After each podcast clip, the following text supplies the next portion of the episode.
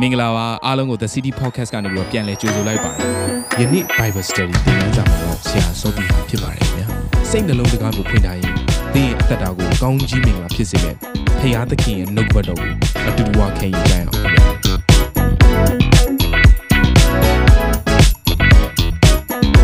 အားလုံးမင်္ဂလာပါဘုရားသခင်ရဲ့နာမအဖြစ်အားလုံးကို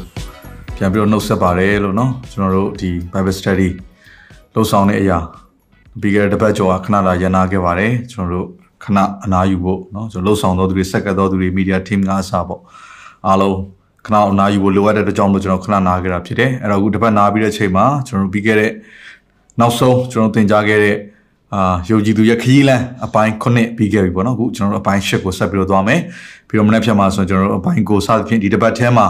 ကျွန်တော်တို့တက်နိုင်မြဒီခီးစဉ်တစ်ခုလုံးပြီးအောင်ကျွန်တော်တို့ကျွန်တော်တို့ဒီနှုတ်ကပတ်တော်ဝေငှသွားမှာဖြစ်တယ်အကယ်၍မပြီးဘူးဆိုရင်လည်းကျွန်တော်တို့နော်အာနောက်တစ်ပတ် Monday ကတော့နောက်ဆုံးဖြစ်ပါတယ်အဲ့တော့ပြောရမယ်ဆိုရင်ကျွန်တော်တို့ဒီခီးစဉ်ရဲ့ဒီ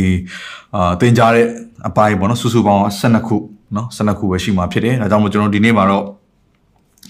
အာအပိုင်း၈ကိုသွားမယ်ဆိုတော့ဒီနေ့အပိုင်း၈ရဲ့အဓိကကျွန်တော်တို့အာ focus ကဘာလဲဆိုရင်အာသူကဒီတိနနော်တိနတော်မှာ သူတို့အချိန်ယူတဲ့ကာလကိုအဓိကထားပြီးတော့ကျွန်တော်တို့လေ့လာမှာဖြစ်တယ်။ဘာကြောင့်လဲဆိုတော့တိနတော်မှာသူတို့တစ်နှစ်နီးပါးကြာတယ်။ဆိုတော့တိနတော်ကိုရောက်တဲ့အချိန်ဟာသူတို့နော်ကျန်းစာတွေမှာဘယ်လိုဖော်ပြထားလဲဆိုတော့တတရလနော်ပထမရက်မှာသူတို့စပြီးတော့ရောက်လာတာဖြစ်တယ်။ဆိုတော့ဣသရေလလူမျိုးတွေရဲ့ calendar မှာဆိုရင်တစ်လမှာသူတို့က29 30ဒီလိုမျိုးရှိတယ်ကျွန်တော်တို့ဒီအင်္ဂလိပ် calendar မှာတော့ကျွန်တော်တို့အခုသုံးတဲ့ calendar မှာ30 31ပုံစံပေါ့နော်သူတို့က29 30ဒီလိုပုံစံမျိုးလေးရှိတယ်ဆိုတော့ အဲ့တော့ရက်ကိုတွက်ကြည့်လိုက်မယ်ဆိုရင်သူက45ရက်ကျော်နော်နောက်ပိုင်းမှာသူတို့ရောက်လာတာဖြစ်တယ်ပြောမယ်ဆိုသူတိနတောင်ခြေကိုရောက်တဲ့အချိန်မှာသူတို့ရက်50ပတ်ဝန်းကျင်မှာသူတို့ရောက်နေပြီဆိုတော့ကျွန်တော်တို့ပွဲတော်တွေရဲ့ဒီအချိန်ကာလကိုပြန်ပြီးတော့ကြည့်လိုက်တဲ့အခါမှာသူကနောက်ပိုင်းကျရင်ဣသရေလလူမျိုးတွေကဘယ်လိုပုံစံနဲ့ပွဲကိုလုပ်လဲဆိုရင်ပတ်သက်ခါပွဲခံတဲ့ရက်ကနေပြီးတော့ရက်50ပြည့်တဲ့ချိန်ကပင်ဒီကုတ်တွေပွဲနေဖြစ်တယ်ဆိုပြီးသူတို့သတ်မှတ်တယ်အဲကျွန်တော်တို့ဒီခုဆိုရင်ကျွန်တော်ခရစ်ယာန်အနေနဲ့ပင်ဒီကုတ်တွေပွဲနေကိုဘယ်လိုလုပ်လဲဆိုရင်เนาะကျွန်တော်တို့ Easter Sunday ကနေပြီးတော့9ပတ် နော်ဒါအဲ့လိုမျိုးရေးတွက်လိုက်တာပေါ့ဆိုရင်ဒီနှစ်အတွက်ဆိုရင်ကျွန်တော်မေလ31ရက်နေ့ဟာဗီနီကုတ်တွေပွဲနေဖြစ်ကျွန်တော်တို့သတ်မှတ်ပြီးတော့အသင်းတော်တွေမှာကျွန်တော်တို့ celebrate လုပ်ကြတယ်ကိုယ်ဝယ်ခြင်း season တွေလောက်ကြပါတယ်ဆိုတော့ဒီဟာလေးကဘယ်ကလာလဲဆိုရင်ဒီအာခီးစဉ်လေးရတယ်လာတာဖြစ်တယ်ဆိုတော့ဒီခီးစဉ်လေးဟာကျွန်တော်တို့အသင်းတော်ရဲ့နော်အာလမ်းညွှန်ချက်တစ်ခုလည်းဖြစ်တယ်နော်အသင်းတော်ကသွားတဲ့အချိန်ကာလတစ်ခုအသင်းတော်မှာကြုံတွေ့ရမယ့်အတွေ့အကြုံတွေကိုဖော်ပြထားတဲ့ လမ်းညွှန်မြေပုံတစ်ခုလည်းဖြစ်တယ်ဆိုတော့ဒီဟာကဒီခီးစဉ်တစ်ခုလုံးထဲမှာအကုန်လုံးပါပြီးသားဖြစ်တယ်အဲ့တော့ဒီနေ့မှာတော့ကျွန်တော်တို့တိနာတော်တိနာတောင်နော်ပြီးတော့အဲ့တိနာတောင်မှာဘုရားသခင်နဲ့မောရှေနဲ့ပြီးတော့ဘုရားသခင်နဲ့ဣသေလလူမျိုးတွေနော်တွေ့ဆုံမှုပြင်ဆင်တဲ့အချိန်ကာလလေးကိုကျွန်တော်လေ့လာရင်းရနေပြီးတော့အသင်းတော်အတွက်အသင်းတော်အတွက်လို့ပြောရင်ကျွန်တော်တို့အတွက်ဘုရားသခင်ဘာတွေကြံစည်ထားလဲဆိုတဲ့အရာကိုကျွန်တော်တို့နားလည်ဝင်ရအတွက်လေ့လာသွားရအောင် မြေပုံလေးကိုခဏတော့ကြည့်အောင်ဆိုတော့မြေပုံထဲမှာဆိုရင်ကျွန်တော်တို့ဒါပြီးခဲ့တဲ့เนาะတစ်ခေါက်ကကျွန်တော်ပြောခဲ့တဲ့အရာဖြစ်တယ်အဲ့တော့သူတို့ပင်နီကိုဖြတ်ကူးပြီးနောက်ပိုင်းမှာเนาะဒီရေဖီတိန်ကနေပြီးတော့သူတို့တီနာတော်ကိုရောက်လာတာဖြစ်တယ်ဆိုတော့အဲ့တော့အဲ့ဒီမှာသူတို့ကျင်းပတဲ့ပွဲကိုနော်ဓမ္မဟောင်းကျမ်းမှာတော့သူကပင်တေကုတ်တွေပွဲနေလို့သူကလုံးဝမရေးဘူးသူကဘယ်လိုရေးလဲဆိုတော့နော် Feast of the Weeks တို့ရေးပေမဲ့တကယ်ဂျူးလူမျိုးတွေနောက်ပိုင်းမှာကျင်းပလာတဲ့အခါမှာသူပင်တေကုတ်တွေပွဲနေလို့ပဲသတ်မှတ်ပြီးတော့သူတို့ကျင်းပတာဖြစ်တယ် Feast of Pentecost ပေါ့နော် ဆိုတော့ connect the din ဘာပြောဆိုရင်စုစုပေါင်း9ဘတ်နော်ဒါရှိတဲ့9 949ပေါ့နော်9ရက်9ဘတ်အာဒီနေ့မှပြောရမယ်ဆိုရင်ပတ်သက်ကာပွဲကနေပြီးတော့ဒီပင်တေကုတ်တွေပွဲနေကိုအတိအကျဆိုရင်ဒါရက်50ပေါ့နော်ဒါဆိုရင်ပင်တေကုတ်တွေရဲ့ထူးခြားချက်ကဘာလဲနော်ပင်တေကုတ်တွေရဲ့ထူးခြားချက်ကတော့ဘုရားသခင်နဲ့နဖူးတွေဒူးတွေအတွေ့အကြုံကြုံတွေ့ခြင်းဖြစ်ပါတယ်ဆိုတော့ရောက်ရောက်ချင်းမှာပဲဘုရားကဘာလို့လဲဆိုမောရှေကိုတခါတည်းတောင်ပေါ်တက်လာခိုင်းပြီးသူနဲ့တွေ့ဆုံမှုရတဲ့တ ခါတည်းတန်းပြီးတော့ပြင်ဆင်တယ်ဒါကြောင့်တိနာဆိုတဲ့အရက်ရဲ့အဓိက focus ကဘာလဲဆိုဘုရားသခင်နဲ့တွေ့ဆုံခြင်းဖြစ်တယ်ဒါဆိုရင်လွန်ခဲ့တဲ့နှစ်ပေါင်း2000ကယေရှုခရစ်တော်နော်ဒီလောကမှာသူရှိခဲ့တဲ့အချိန်မှာနော်သူနောက်ဆုံးမှာလက်ဝါးကားတဲ့ပုံမှာအသေးခံတယ်၃ရက်မြောက်သောနေ့မှာပြန်ရှင်ပြီးတော့နော်သူရက်40နော်သူကိုထင်ရှားပြပြီးတော့ကောင်းကင်ဘော်ကိုတပည့်တော်တွေအရှိမပဲတက်ကြွသားတယ်ပြီးတော့သူကယေရုရှလင်မြို့မှာစောင့်နေပါလို့မှာပြီးတော့ယေရုရှလင်မြို့မှာသူ10ရက်စောင့်တဲ့အခါမှာ တိတိကျပြောရမယ်ဆိုရင်ပင်တေကုတ်တွေပွဲနေရောက်တဲ့အခါမှာတမန်တော်ဝတ္ထုခန်းကြီးနှစ်မှာပါပါတယ်နော်လေပြင်းမုံနိုင်ခဲ့သောအတန်နဲ့ကောင်းကင်ကနေပြီးတော့တရှင်သောဝိညာဉ်တော်ရဲ့သွန်လောင်းခြင်းကိုသူတို့ခံစားပြီးတော့အဲ့ဒီအထက်ခန်းမမှာရှိတဲ့လူရောက်120ရဲ့အပေါ်မှာမိရှာခဲ့သောသောနော်တရှင်သောဝိညာဉ်တော်ရဲ့ထင်ရှားခြင်းတရှင်သောဝိညာဉ်တော်ရဲ့ပိတ်သိက်ခြင်းတရှင်သောဝိညာဉ်တော်ရဲ့သွန်လောင်းခြင်းထိုဖျားခင်နဲ့တကယ်အတွေ့အကြုံနှစ်ဖူးတွေ့ဒူးတွေ့အတွေ့အကြုံဘုရားရှင်တကောဘုရားရှင်ပြုတဲ့နမိတ်လက္ခဏာဘုရားရှင်ရဲ့နီးလန်းတွေကိုစပြီးတော့ဘုရားခင်က ဒီနေ့နှလုံးသားဆိုတဲ့ဒီကြောက်ထဲမှာเนาะနှလုံးသားဆိုတဲ့ဒီကြောက်ဖြာပေါ်မှာသူကစပြီးတော့ရေးထိုးတဲ့အဲ့ဒီအတွေ့အကြုံတွေဖြစ်ပါတယ်ဆိုတော့ဒါကကျွန်တော်တို့ဓမ္မသစ်ကျမ်းနဲ့ဓမ္မဟောင်းကျမ်းတို့ပြန်ပြီးတော့ရှင်ပြီးတော့လေ့လာလိုက်မယ်ဆိုရင်ကျွန်တော်တို့နားလည်ရမယ် timeline လေးတစ်ခုဖြစ်တယ်ဒါကြောင့်မို့ကျွန်တော်တို့ယုံကြည်သူတွေရဲ့အသက်တာထဲမှာအသင်းတော်တွေမှာကျွန်တော်တို့ယေရှုခရစ်တော်ကိုမိမိရဲ့ကယ်တင်ပါရှင်နဲ့အရှင်သခင်ဖြစ်ယုံကြည်လက်ခံခြင်းဆိုတဲ့ထိုဖခင်သခင်ကိုကိုယ့်ရဲ့အသက်တာတွေကိုခေါ်ဖိတ်ကြိုဆိုပြီးတဲ့နောက်ပိုင်းမှာဒုတိယအချိန် ဖျားခင်တွေ့ကြုံမဲ့အတွေ့အကြုံကပါလဲဆိုတန်ရှင်းသောဝိညာဉ်တော်တော်အောင်ခြင်းဖြစ်ပါတယ်။ဒါကိုကျွန်တော်တို့တမန်တော်ဝတ္ထုခန်းကြီး1ထဲမှာဆိုယေရှုခရစ်တော်ကဘယ်လိုပြောလဲဆိုရင်ခမည်းတော်ရဲ့ဂတိတော်လို့လည်းပြောတယ်။နောက်တစ်ခုဘယ်လိုပြောလဲဆိုတော့နော်အာတန်ရှင်းသောဝိညာဉ်တော်နဲ့ဗဒိဇံပေးမယ်ဆိုတဲ့စကားကိုလေသူကသုံးထားတာဖြစ်တယ်။ဆိုတော့ဗဒိဇံဆိုတာကပါလေနစ်မြုပ်ခြင်းဖြစ်တယ်နော်ဗဒိဇံဆိုတဲ့စကားလုံးလေးဒါ baptizo ဆိုတဲ့ဒီ Greek စကားလုံးကလာတာဖြစ်တယ်။ဆိုတော့လုံးလုံးနစ်မြုပ်သွားခြင်းနော်သင်္ဘောတစ်ခုဒါမှမဟုတ်ပစ္စည်းတစ်ခုဟာတစုံတစ်ခုသောနေပယ်ထဲမှာ လုံးဝနစ်မြုပ်သွားတယ်နော်ဥပမာဆိုတင်းဝါရေထဲမှာလုံးဝနစ်မြုပ်သွားတယ်ဆိုရင်ဒါဒီစကလုံးလေးကိုသူတို့ Greek မှာသုံးတယ် baptism ဆိုတော့ baptism ဆိုတော့အဓိပ္ပာယ်ကပါလေထိုဘုရားသခင်ထိုဝိညာဉ်တော်ထဲမှာနစ်မြုပ်ခြင်းဖြစ်တယ်ဆိုတော့ဝိညာဉ်တော်ထဲကိုနော်ဘုရားသခင်ကဆွဲပြီးတော့ခေါ်လိုက်ခြင်းဖြစ်တယ်ဆိုတော့သူ့ရဲ့ဖြစ်ခြင်းနော်သူ့ရဲ့တကိုးတော်သူ့ရဲ့တန်ရှင်းခြင်းနော်သူ့ရဲ့အာတဆွမ်းနိုင်ခြင်းတွေကို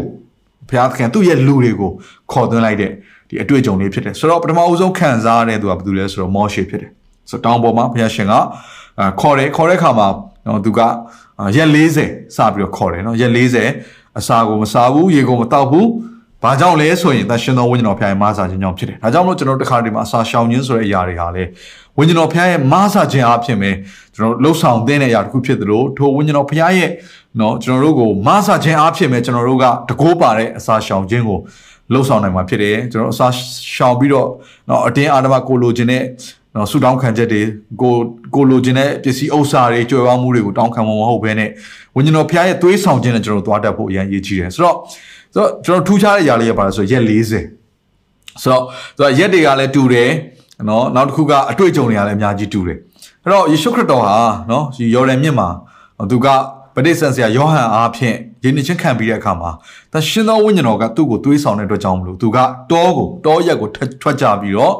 ရက်40เนาะအစာရှောင်တဲ့ຢာကိုကျွန်တော်တွေ့ရပါလိမ့်မယ်ယေရှုခရစ်တော်လည်းဒီတိုင်းပဲเนาะဒါတောရက်လို့ပြောတဲ့အခါမှာအဲ့အဲ့ဒီဒေသကိုရောက်သွားပြီဆိုရင်လည်းကောင်းကောင်းသဘောပေါက်တယ်လုံးဝဘာမှမရှိဘူးကြောက်ခဲပဲရှိတယ်နော်ဘာမှကိုမရှိတာတစ်ပင်ကဆိုဘာမှမရှိကြောက်ခဲပဲရှိတယ်နော်နောက်တစ်ခုကဘာဆိုအဲကြောက်တောင်ညမှာဂူတွေရှိတယ်နော်ဆိုတော့ဂူတွေထဲမှာဝင်လို့ရတဲ့အတိုင်းပဲရေလုံးဝမရှိဘူးဆိုတော့အစာကိုမစားဘူးရေကိုမတောက်ဖဲနဲ့အစာရှောင်နိုင်တယ်ဘာကြောင့်လဲတန်ရှင်သောဝိညာဉ်တော်ကြောင့်ဖြစ်တယ်ကျွန်တော်ရဲ့ကိုယ်ခန္ဓာကရေမရှိပဲအသက်ရှင်လို့မရဘူး အသိပ္ပံနည်းရပြောမယ်ဆိုရင်ဒါပေမဲ့လေတန်ရှင်သောဝိညာဉ်တော်ရဲ့မာဆမှုရှိလာတဲ့အခါမှာဒီကိုယ်ခန္ဓာဟာဆော့ဆော့ပြောလိုအပ်တဲ့အာဟာရများကိုပြီးမလိုအပ်နိုင်လောက်ထိတိုင်အောင်เนาะဘုရားသခင်မဆာခြင်းအပြင်ထိုဘုရားသခင်မျက်မှောက်တော်ထဲမှာအချိန်ယူလို့ရတယ်။ကြောင့်ချို့တော့เนาะကျွန်တော်ကြားဘူးရရတယ်ပါလဲဆိုတော့တကယ်ကိုလူတွေကအရင်စိတ်အားကြီးပြီးတော့ခါတဲ့အစာရှောင်တဲ့အခါမှာ နော်ဟိုလိုအပ်တာတဲ့ပို့ပြီးတော့ကိုယ့်ရဲ့ကျမ်းမာရေးလည်းဂိမ်းမဆိုင်ဘူးနော်အစာရှောင်ပုံရှောင်နေရလည်းရှိသေးတာအောင်နော်ကိုယ့်ရဲ့ပင်ကိုကျမ်းမာရေးဆိုရရာလည်းရှိသေးတယ်ဆိုတော့ဝิญဉ္ဇောက no ဆိုတာမဟုတ်ဝิญဉ္ဇောကမားစတာမဟုတ်ဖ ೇನೆ နော်ကိုကလှုပ်ချင်တဲ့စိတ်စိတ်အားကြီးခြင်းနဲ့လှုပ်ဆောင်တဲ့အခါမှာချို့တွေဟာအစာရှောင်နေတဲ့အသက်ကိုပဲဆွန့်လိုက်ရတဲ့လူအများကြီးရှိတယ်။ဒါကကျွန်တော်တို့တော့ကြားနေရတဲ့အဲစကားတွေဖြစ်တဲ့သတင်းစကားတွေဖြစ်တယ်။ဒါကြောင့်ကျွန်တော်တို့ဒီဟာလေးကိုတစ်ချက်သိဖို့လိုတယ်။ဒါရှင်သောဝိညာဉ်တော်ဖျားရဲ့မဆာခြင်းအဖြစ်အစာရှောင်နေဆိုရင်တကယ့်ကိုတကိုးပါတဲ့အစာရှောင်ခြင်းဖြစ်တယ် ထိုဝိညာဉ်တော်ဘုရားကမဆာရတဲ့ကြောင့်မလို့လေထိုဝိညာဉ်တော်ဘုရားကအဲ့အစာရှောင်ခြင်းထဲမှာသူပေးခြင်းတဲ့အရာလည်းရှိတယ်။ဒါကြောင့်နော်ဒီမှာဒီဇလန်လေးမှာကြည့်မယ်ဆိုရင်တော့မောရှေကဒီရက်40အစာရှောင်ခြင်းထဲမှာသူဟာဘုရားရှင်နဲ့ဖူးတွေ့ဒူတွေ့တွေ့ပြီးတော့တကယ်ကိုနော်ဘုရားရှင်ဖွင့်ပြတဲ့ကောင်းကင်နဲ့ဆိုင်တဲ့အရာတွေအားလုံးကိုသူရတယ်။ဆိုတော့ပထမဆုံးသူရတဲ့အရာကဘာလဲဆိုရင်သူကပြည့်ညတ်တော်10ပါးဖြစ်တယ်နော်။ဒါလေးကိုသိဖို့လိုပြည့်ညတ်တော်10ပါးထိုပြည့်ညတ်တော်10ပါးကိုသူရရှိတဲ့အခါမှာအဲ့ဒီပြည့်ညတ်တော်10ပါးသည် ဣသေလတမျိုးသားလုံးအတွက်အစင်ဆောင်ထိန်ရဖြစ်သွားသလိုကျွန်တော်ယုံကြည်သူတွေအတွက်လည်းအစင်ဆောင်ထိန်ရမယ့်အာပြည့်ညတ်ချက်တွေဖြစ်သွားတယ်။သို့တော်လည်းပဲကျွန်တော်တို့ဓမ္မသစ်ကိုရောက်လာတဲ့အခါမှာတို့ပြည့်ညတ်တော်10ပါးကပြည့်ညတ်တော်10ပါးပုံစံမျိုးမရှိတော့ဘဲနဲ့သူကပြည့်ညတ်တော်2ပါးပဲကျန်တော့တယ်။ပြောမှဆိုရင်အဲ့ဒီတောင်ပေါ်မှာ မောရှေကိုဘုရားသခင်ပေးခဲ့တဲ့ဒီပြည့်ညတ်တော်10ပါးအပြင်အခြားသောပြည့်ညတ်တွေလောက်ရမယ့်ຢာတွေမလောက်ရမယ့်ຢာတွေမြောက်များစွာလူမှုရေးနဲ့ဆိုင်တဲ့ຢာနိုင်ငံရေးနဲ့ဆိုင်တဲ့ຢာအစားအသောက်နဲ့ဆိုင်တဲ့ຢာအာမျိုးစုံမှာကျွန်တော်တို့စိုက်ပျိုးရေးနဲ့ဆိုင်တဲ့အရာစီးပွားရေးနဲ့ဆိုင်တဲ့အရာမိသားစုနဲ့ဆိုင်တဲ့အရာဟိုပွဲတော်တွေနဲ့ဆိုင်တဲ့အရာအားလုံးကိုးကွယ်ခြင်းနဲ့ဆိုင်တဲ့အရာတွေအစနော်အကုန်လုံးဒီပြည့်ညတ်ချက်တွေအားလုံးကိုနှစ်ခုတည်းနဲ့တခါတည်းယေရှုခရစ်တော်က သူကအနှစ်ချုပ်လုပ်ပလိုက်တယ်စကနေကျွန်တော်တို့အဲ့ဒါတွေကိုစမ်းစာဖတ်မှာဖြစ်တယ်ကဲတော့အခုတော့ เนาะထမြောက်ကြခန်းကြီး16ထဲမှာเนาะကျွန်တော်3ကနေ6ကိုဟိုကြည့်လိုက်မယ်ဆိုရင်ဘုရားသခင်ကမောရှေကိုပြောတဲ့အရာတွေကအရင်စိတ်ဝင်စားဖို့ကောင်းတယ်ဒါလေးကကျွန်တော်ကြော်သွားလို့မရဘူးဒါကြောင့်ဒီခီးစဉ်လေးကိုကျွန်တော်တို့เนาะဆက်ပြီးလေ့လာရင်းနဲ့တကယ်ကိုအာနော်ကျွန်တော်အားလုံးတော့ပြောနိုင်မှာမဟုတ်ပေမဲ့လည်းတကယ်ကိုမဖြစ်မနေပြောဖို့ပြောရမယ့်အကြောင်းအရာလေးကိုကျွန်တော် highlight လုပ်ပြီးတော့ဘုရားသခင်ဖွင့်ပြတဲ့အရာလေးကိုကျွန်တော်ပြောသွားမှာဖြစ်တယ်ဆိုတော့ပထမအဆုံးတစ်ချက်ကဘာလဲဆိုတော့ဘုရားရှင်နော်မောရှေကိုမျက်မှောက်တော်တွေကိုသူခေါ်သွင်းလိုက်ပြီးတော့သူပြောတဲ့အရာကဘာလဲဆိုရင်ထွတ်မြောက်ကျမ်းခန်းကြီး19ငယ်3မှာ မောရှေသည်ဖျားခင်ထံတော်သို့တက်သွားလျင်ထာဝရဘုရားသည်တောင်ပေါ်ကခေါ်တော်မူ၍သင်သည်ယာကုပ်အမျိုးဣသရေလတို့အားပြန်ပြောရသော အမိန့်တော်ဟူမူကားငါသည်အေဂုတုလူတို့၌ပြုသောအကြောင်းသင်တို့ကိုရွှေလင်းတအတောင်ဖြင့်ထမ်း၍ကိုဖို့ဖမ်းယူသောအကြောင်းကိုသင်တို့သည်သိမြင်ရကြပြီဆိုတော့ဒီကျမ်းစာလေးကနော်ဘလို့ရှင်းပြရှင်းပြနော်စကားလုံးတွေအဲ စကလုံးနေနဲ့ပြည့်ပြည့်စုံရှင်းပြဖို့လုံးဝမလွယ်တဲ့ကျမ်းစာတစ်ခုဖြစ်တယ်။နော်သင်တို့ကိုရွှေလင်းတာအတောင်ဖြင့်ထမ်း၍ကိုအဖို့ဖမ်းယူသောအကြောင်းကိုသင်တို့သည်သိမြင်ရကြပြီ။ဆိုတော့နော်ဒီစကလုံးလေးတစ်ချောင်းတစ်ချောင်းလေးကဒီဘုရားသခင်ကအေဂုတုပြည်ကနေပြီးတော့ဣသရေလလူမျိုးတွေခေါ်ထုတ်ပြီးတော့ခါနန်ပြည်ကိုပို့ဆောင်ပြီးတော့အစင်အမြဲသူတို့နဲ့တူရှိခြင်းဆိုတဲ့အရာကိုဒီစာကြောင်းလေးတစ်ချောင်းလေးကဖော်ပြသွားတယ်။ဒီကျမ်းပိုက်တစ်ပိုက်တွေကဖော်ပြသွားတယ်။သင်တို့ကိုရွှေလင်းတာအတောင်ဖြင့်ထမ်း၍ကိုအဖို့ဖမ်းယူသောအကြောင်းကိုသင်တို့သည်သိမြင်ရကြပြီ။ထို့ကြောင့် ယခုတွင်သင်တို့သည်ငါစကားကိုအမှန်နားထောင်၍ငါဗြိညင်ကိုစောင့်ရှောက်လင်အခြားသောလူမျိုးတကာတို့ထက်သင်တို့သည်ငါပိုင်ထိုက်သောဗန္နာတော်ဖြစ်ရကြလိမ့်မည်မြေကြီးရှိမြသည်ငါ၏ဥစ္စာဖြစ်သင်တို့သည်လည်းမင်းစည်းစိမ်ရှိသောယေဘရဟိမျိုးတန်ရှင်သောလူမျိုးဖြစ်ရကြလိမ့်မည်ဟုသောအမိန့်တော်ကိုဣသေလအမျိုးသားတို့ဟာရှင်းဆိုလောဟုမိန့်တော်မူ၏။နောက်ဘုရားသခင်သူ့ရဲ့မျက်မှောက်တော်ထဲမှာပထမဦးဆုံးမောရှိနဲ့တွေ့တဲ့အခါမှာပထမဦးဆုံးပြောတဲ့စကားကဘာလဲဆိုတော့ကျွန်တော်တို့ဟာဘသူဖြစ်လဲဆိုတော့သူကအရင်စပြောတာဖြစ်တယ်။ ။ဒါကြောင့်ကျွန်တော်တို့ဘုရားရှင်ရဲ့မျက်မှောက်တော်ဒီဟူသောနော်နောက်ဘုရားသခင်နဲ့နော်နဖူးတွေ့ဒုတွေ့အတွေ့အကြုံလို့ပြောရမှာသရှင်တော်ဝိညာဉ်တော်ရဲ့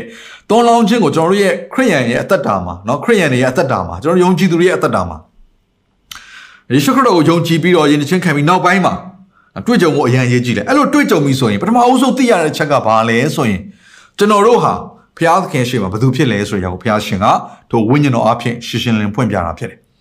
ဆိုတော့ဒီကျမ်းစာလေးကကျွန်တော်တို့ရင်းနှီးတဲ့ကျမ်းစာဖြစ်တယ်ဘယ်ထဲမှာတစ်ပတ်တစ်ထက်မှာတစ်ပေခန်းကြီးနှစ်အငယ်ကိုထဲမှာဒီဒီကျမ်းစာလေးကိုပြန်ပြီးတော့ရေးထားတာတွေ့ရလိမ့်မယ်နော်မင်းစီစဉ်ရှိသောယေဘရအမျိုးပိုင်ထိုက်တော်မူသောအပေါင်းအသင်းတန်ရှင်သောလူမျိုးဒါတွေအားလုံးကိုပြန်ပြီးကျမ်းစာနဲ့ပြန်ရေးနော်ဓမ္မသစ်မှာကျွန်တော်ရေးထားတဲ့ပုံစံလေးတစ်မျိုးရှိတယ်ဒါပေမဲ့ဒီစကားလုံးတွေပဲ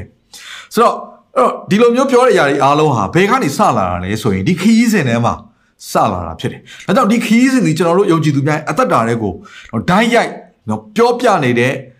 ဖျားရှင်ရဲ့ဖွင့်ပြတဲ့ပထမဦးဆုံးသောနှုတ်ကပတ်နှုတ်ကပတ်စကားတွေဖြစ်တယ်။ဒါကြောင့်ကျွန်တော်ဓမ္မသစ်ကိုနားအသင်နားလဲခြင်းနဲ့ဆိုရင်ဓမ္မသစ်ကိုသေချာပိုင်းခြားပြီးတော့သဘောပေါက်ခြင်းနဲ့ဆိုရင်သင်ဒီခီးစဉ်ကိုနားမလဲလို့မရဘူး။ ဘာကြောင့်ဆိုဒီခီးစဉ်ထဲမှာအကုန်လုံးဓမ္မသစ်မှာပြောမယ့်ຢာတွေဖြစ်လာမယ့်ຢာတွေအားလုံးရဲ့ foundation အကုန်လုံးကိုပြောပြထားပြီးသားဖြစ်တယ်။ချို့တွေကခရိယန်ကိုလွန်ခဲ့တဲ့နှစ်ပေါင်း2000လောက်ကမှစဖြစ်တယ်လို့ပြောနေတာ။တကယ်တော့အဲ့လိုမဟုတ်ဘူး။ဖျားရှင်ရွေးချယ်ခြင်းဒီကဘာဥစားကြရဖြစ်တယ်။ဒါပေမဲ့ပထမဦးဆုံးဘုသူကနေစရွေးလဲဆိုရင်ဣသရေလလူမျိုးကနေစရွေးရဲ။အဲ့ဣသရေလလူမျိုးကိုဘာကြောင့်ရွေးလဲဆိုရင်အဲ့ဣသရေလလူမျိုးကတစ်ဆင့်သူ့ရဲ့ကောင်းကြီးမင်္ဂလာကိုပြန်ပြီးတော့အခြားသောလူမျိုးတွေစီကိုပြန်ပြီးတော့ဝေမျှဖို့ရန်အတွက်ဖြစ်တယ်။ပြန်ပြီးတော့ကောင်းကြီးဖြစ်စေဖို့ရန်အတွက်ဖြစ်တယ်။အဲကြောင့်ဣသရေလလူမျိုးတွေဟာသူတို့အရင်ခံစားတဲ့ကောင်းကြီးမင်္ဂလာကနေတစ်ဆင့်ဘာဖြစ်လာလဲဆိုရင်ထိုခရစ်တော်ကြောင့်ယေရှုခရစ်တော်ကြောင့်ကျန်တဲ့လူမျိုးပေါင်းစုံ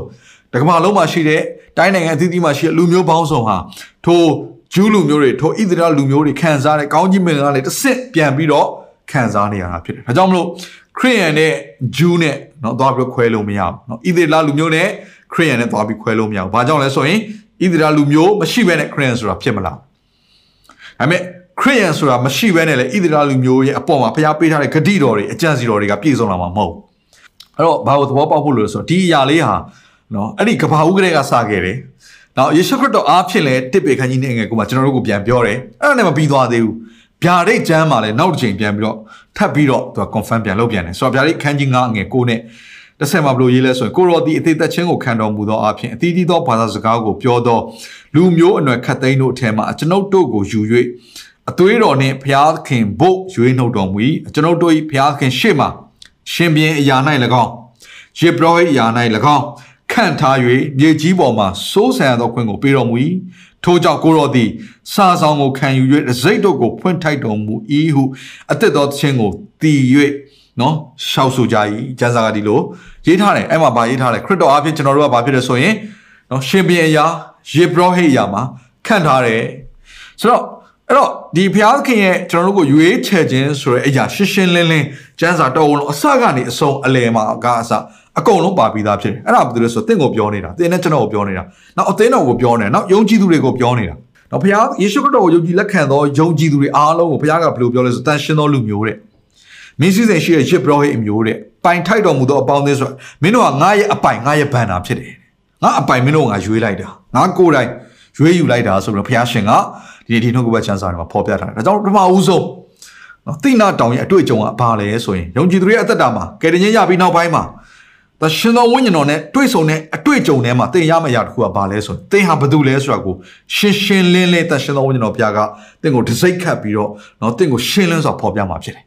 ကျွန်တော်တို့ကဘာတူဖြစ်လဲဆိုတာမသိဘဲနဲ့ကျွန်တော်တို့ဘယ်တော့မှရှေ့ဆက်လို့မရဘူးအဲနောက်ထပ်သတိနော်ပြုစရာအရာတစ်ခုကဘာလဲဆိုတော့ဒီနော်သီနာတောင်ကိုရောက်သွားတဲ့အခါမှာဘုရားရှင်လှုပ်ခိုင်းတဲ့အရာပါဆိုတန်ရှင်းမှာတန်ရှင်းမှာနော်အဲ့ဒီချိန်မှာတော့ကတော့သူတို့ကတန်ရှင်းမှာလို့ပြောတဲ့အခါမှာသူကရေချိုးခိုင်းတယ်နော်အာခါလဲဟိုသီနာတောင်ချိန်မှာဘုရားသခင်ကသူ့ရဲ့လူတွေနဲ့မိတ်ဆက်ပြီးတော့စကားပြောဖို့သူပြင်ဆင်တဲ့အချိန်မှာလေဘာလောက်ခိုင်းဆို3ရက်တိတိပြင်ဆင်ရတယ်။နော်တောင်ကိုလည်းမထိရပဲတခါတန်ရှင်းချင်းရှိပါ။ တန်ရှင်းချင်းရှိပါဘုရားကဒါပဲမှားတယ်။ဆိုဘာကြောင့်လဲဆိုတော့ तू ဆင်းကြွတော့မှာမို့လို့။ဘာကြောင့်လဲဆိုတော့ तू တွေးဆုံတော့မှာမို့လို့။ကြောင့်တန်ရှင်းသောဝိညာဉ်တော်ကိုကျွန်တော်တို့ရဲ့အသက်တာထဲမှာလက်ခံရရှိဖို့ကျွန်တော်တို့ရဲ့အရေးချင်းတစ်ခုဖြစ်ရမယ့်အရာတစ်ခုပါလဲဆိုတော့တန်ရှင်းခြင်းရှိရမယ့်အရာဖြစ်တယ်။ဒါဆိုကျွန်တော်တို့ရဲ့အသက်တာမှာမိမိကိုယ်ကိုတန်ရှင်းဖို့ရတဲ့ပြင်ဆင်ခြင်းဒါယုံကြည်သူတယောက်နေရှိရမှာဖြစ်သလိုကျွန်တော်တို့တန်ရှင်းခြင်းအနေနဲ့ကျွန်တော်တို့အသက်တာထဲမှာမလှုပ်ဆောင်နိုင်တဲ့အခါမှာနော်ကျွန်တော်တို့အပြစ်တွေများတဲ့အချိန်မှာပဲလေကျွန်တော်တို့ကိုတန်ရှင်းစေတာဘာလို့လဲဆိုရင် ယေရှုခရစ်တော်ဖြစ်တယ်။သူရဲ့အသွေးအပြင်ကျွန်တော်တို့ကိုတန်ရှင်းစေတယ်။ဒါကြောင့်တန်ရှင်းသွားတဲ့အခါကျတော့ကျွန်တော်တို့ကဘာကိုလက်ခံလို့ရသွားလဲဆိုရင်ထိုဝိညာဉ်တော်ဘုရားကိုကျွန်တော်တို့အသက်တာမှာဖိတ်ခေါ်ပြီးတော့လက်ခံလို့ရသွားတာဖြစ်တယ်။အဲ့တော့အဲ့ဒီအဖြစ်အပျက်တွေကိုတမန်တော်ဝတ္ထုကိုသင်ဖတ်လိုက်တဲ့အခါမှာတောက်လျှောက်တွေ့ရလိမ့်မယ်။တမန်တော်ဝတ္ထုခန်းကြီးတက်ကနေသင်စားဖတ်ကြည့်ပါ။30လောက်ထိပဲဖတ်။နော်ထူးခြားတဲ့ နော်လူအဆုလိုက်အဆုလိုက်အဆုလိုက်ရတခါတည်းထိုင်ပြီးတော့နှုတ်ကပတ်တရားကိုနာနေတဲ့အချိန်မှာပင်လေကသရှင်သောဝိညာဉ်တော်ကကြီးစွာတက်ရောက်လာတယ်။ဟောတခါမှဝိညာဉ်တော်ကြောင့်မကြားဘူးတဲ့လူတစုကိုခါခါတည်းတွေ့တဲ့အချိန်မှာခါတည်းနော်သူတို့ပြောပြတဲ့ယေရှုခရစ်တော်ကြောင့်ပြောပြတဲ့ပြီးတော့ယဉ်ချင်းခံပြီးသွားတဲ့အချိန်မှာပင်လက်ကိုတင်လိုက်တဲ့အခါမှာတန်ရှင်သောဝိညာဉ်တော်ကသူတို့ပုံမှာတက်ရောက်ပြီးတော့အမျိုးမျိုးသောပါစကားတွေနဲ့ပြောပြီးတော့ဘုရားသခင်ကိုချီးမွမ်းကြတယ်။ကျွန်တော်ပြောမယ်ဒါဟာလွန်ခဲ့တဲ့နှစ်ပေါင်း2000ကပဲတွေ့ကြုံရမယ့်တွေ့ကြုံတစ်ခုမဟုတ်ဘဲနဲ့ယခုအချိန်ထိကျွန်တော်တို့ယုံကြည်သူတွေရဲ့အသက်တာထဲမှာအဲ့ဒီတန်ရှင်သောဝိညာဉ်တော်ရဲ့တုံလောင်ခြင်းတန်ရှင်သောဝိညာဉ်တော်ရဲ့ပိတ်သိခြင်းကိုကျွန်တော်ယုံကြည်သူတိုင်းကတွေ့ကြုံခံစားရမှာဖြစ်တယ်။အချို့သောအမှုတော်ဆောင်ဆရာတွေကဒီအရာကိုဒါလွန်ခဲ့တဲ့နှစ်ပေါင်း2000ကပဲကြုံခဲ့တဲ့အရာဖြစ်တယ်။အခုခေတ်နဲ့မဆိုင်တော့ဘူးလို့ပြောကြတယ်။ကျွန်တော်ပြောမယ်ယေရှုခရစ်တော်ဒုတိယအကြိမ်ပြန်မကြွလာသေးဘူး။ယေရှုခရစ်တော်ဒုတိယအကြိမ်ပြန်မကြွလာခင်အချိန်ထိကျွန်တော်တို့နဲ့အတူရှိတော်သူဟာတန်ရှင်သောဝိညာဉ်တော်ဖရားဖြစ်တယ်။အာမင်။ဒါကြောင့်မို့ကျွန်တော်နဲ့အတူရှိရလို့ပြောတဲ့အခါမှာနော်ကျွန်တော်တို့အပေါ်မှာထိုသုံးလောင်းသောတန်ရှင်သောဝိညာဉ်တော်ကိုလည်းပြောနေတာဖြစ်တယ်။ဒါကြောင့်ယုံကြည်သူတိုင်းသည် တိနာတောင်အတွေ့အကြုံကိုတွေ့ကြုံဖို့လိုတယ်။နော်ကျွန်တော်ပတ်သက်ခါအတွေ့အကြုံတွေမကောက်ဘူး။အဲကုတုကပတ်သက်ခါအတွေ့အကြုံတွေမကောက်ဘူး။ကျွန်တော်တို့ဟာရင်းနှချင်းခံခြင်းကိုပုံဆောင်တဲ့တခါတည်းပင်လယ်နီကိုဖျက်ကွင်းခြင်းဆိုတဲ့အရာတွေမကောက်ဘူး။ကျွန်တော်တို့ဟာတိနာတောင်မှာကြုံတွေ့ရတဲ့ဘုရားရှင်မျက်မှောက်တော်ဆိုတဲ့အဲ့ဒီမျက်မှောက်တော်တွေကကြုံတွေ့ရတဲ့အတွေ့အကြုံတွေကိုလည်းခရစ်ယာန်တိုင်းကအသက်ဒူတိုင်းရဲ့အသက်တာတွေမှာကြုံတွေ့ဖို့ရရင်ရည်ကြီးပါတယ်။ဘာကြောင့်လဲဆိုတော့ဘုရားသခင်ကဝိညာဉ်တော်ကိုပေးခြင်းတဲ့ဘုရားဖြစ်တယ်။ ဒါကြောင့်လေယေရှုခရစ်တော်ကမင်းတို့ဘယ်မှမသွားကြနဲ့အဲ့ဒီယေရုရှလင်မြို့မှာစောင့်နေကြလို့သူ့ရဲ့တပည့်တော်တွေကိုမှာတာဖြစ်တယ်။စောင့်နေကြပါ။ဘာကြောင့်လဲ။ခမည်းတော်ရဲ့ဂတိတော်ပြည့်စုံလာမယ်ခမည်းတော်ဂတိတော်ကဘာလဲဝိညာဉ်တော်ကိုမင်းတို့ကိုပေးမယ်တပည့်တော်ရဲ့ကယ်တင်ခြင်းရပြီးသွားပြီတပည့်တော်တွေကယေရှုခရစ်တော်နဲ့တွေ့ကြုံပြီးသွားပြီဒါပေမဲ့အဲ့တွေ့ကြုံခြင်းနောက်ပိုင်းမှာထိုတပည့်တော်များရဲ့များနော်ဘုရားသခင်ကယေရုရှလင်မြို့ကနေထွက်ပြီးတော့သွားပါဆိုပြီးချက်ချင်းအလုပ်ကိုမခိုင်းဘူး စောင့်နေပါလို့အရင်ခိုင်းတယ်စောင့်တဲ့ခါမှာတမန်တော်ဝတ္ထုခန်းကြီး1အငယ်8ကဘလို့ရေးလဲဆိုတော့နော်သင်တို့ပေါ်သောတန်ရှင်သောဝိညာဉ်တော်တက်ရောက်တဲ့ခါမှာနော်ဘယ်မှာလဲယေရုရှလင်မြို့မှာသင်တို့ဘောတန်ရှင်တော်ဝိညာဉ်တက်ရောက်တဲ့ခါမှာသင်တို့ဒီတကိုးကိုခံရ၍ယေရုရှလင်မြို့မှစသောယူဒပြည်ရှမာရိပြည်မြေကြီးစွန်းတိုင်အောင်ငါဤသက်သေဖြစ်ကြလိမ့်မယ် ဆိုတော့နော်မာကုကျွန်တော်တို့မာကုခရစ်ဝင်ကျမ်းထဲမှာမာကုခန်းကြီး16ထဲမှာရေးထားတဲ့နော်လူမျိုးတကာကိုငါရဲ့တပည့်ဖြစ်စေဖို့ခမည်းတော်သားတော်တန်ရှင်တော်ဝိညာဉ်တော်နာမနဲ့နော်နော်တခါလေနှစ်ချင်းနှစ်ချင်းပေးဖို့စသဖြင့်အဲ့ဒီမိန့်မာတဲ့အရာတွေအားလုံးဟာဘယ်အချိန်ကြမှဖြစ်လာတာလဲဆိုတော့အဲ့ဒီယေရုရှလင်မြို့မှာတန်ရှင်တော်ဝိညာဉ်တော်ကို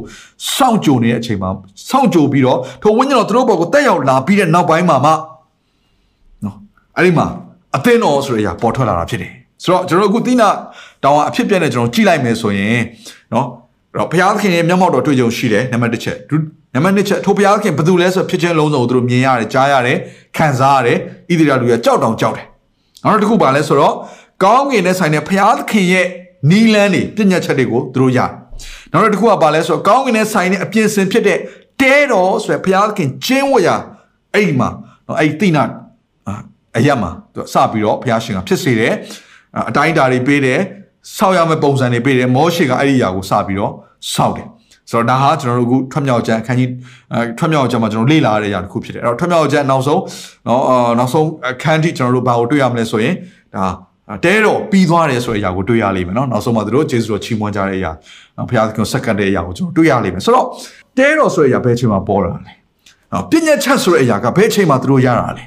ဘုရားသခင်ကဘာတူလဲဆိုတာကိုနဖူးတွေ့ဒူးတွေ့သူတို့ကိုယ်တိုင်ခံစားတွေ့ကြုံပြီးတော့နော် ကြုံတွေ့ရတာကဘာမှလဲဆိုရင်ထိုပင်တေကုတ်တွေပွဲနေမှာဖြစ်တယ်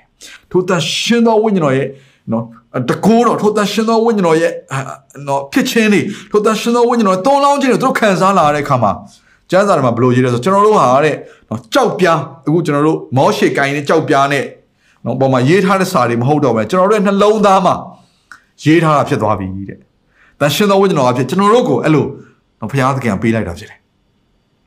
နော်ထိုဝိညာဉ်တော်ဘုရားကျွန်တော်တို့ကိုပေးလိုက်တာဖြစ်တယ်။ပြီးတော့အဲ့ဒီတိနာရက်မှာကောင်းကင်မှာဘုရားသခင်အဲ့တိနာတောင်ထိတ်မှာဘုရားသခင်အထွတ်ကြုံကြုံပြီးသွားတဲ့နောက်ပိုင်းမှာတဲတော်ဆိုတဲ့အရာပေါ်ထွက်လာသလိုပဲ။တဲတော်ဆိုတာကဘာကိုပြောရလဲ။ငါမင်းတို့နဲ့အတူရှိမယ်မင်းတို့နဲ့အတူချိန်ဝတ်မယ်မင်းတို့နဲ့အတူငါစကားပြောမယ် မင်းတို့နဲ့ငါအတူမိသားရဖွဲ့မယ်မင်းတို့တောင်းလျှောက်တယ်လို့ငါနားညောင်းမယ်ငါရဲ့နီလန်းတွေကိုမင်းတို့ကိုတုံတင်ပေးမယ်ဆိုတော့အဲ့ဒီသူတို့တက်စကန်ချတဲ့ခါမှာတက်စကန်အားလုံးတော့ဝိုင်းထားတဲ့အလဲတက်တက်မှာဘာရှိလဲဆိုရင်အဲ့တဲတော်ကိုသူတို့ထားရတာဖြစ်တယ်ဆိုတော့ကျွန်တော်တို့အားလုံးရဲ့အလဲမှာဘုရားစုဝေးတယ်ဘာကိုပြောနေရလဲအသင်းတော်ကိုပြောနေတာအသင်းတော်ကိုပြောနေတာဒါဆိုအသင်းတော်ဘယ်ချိန်မှာပေါ်လာလဲပင်တေကုတ်တွေပွဲနေအတွေ့အကြုံအဖြစ်အသင်းတော်ပေါ်လာတာဖြစ်တယ်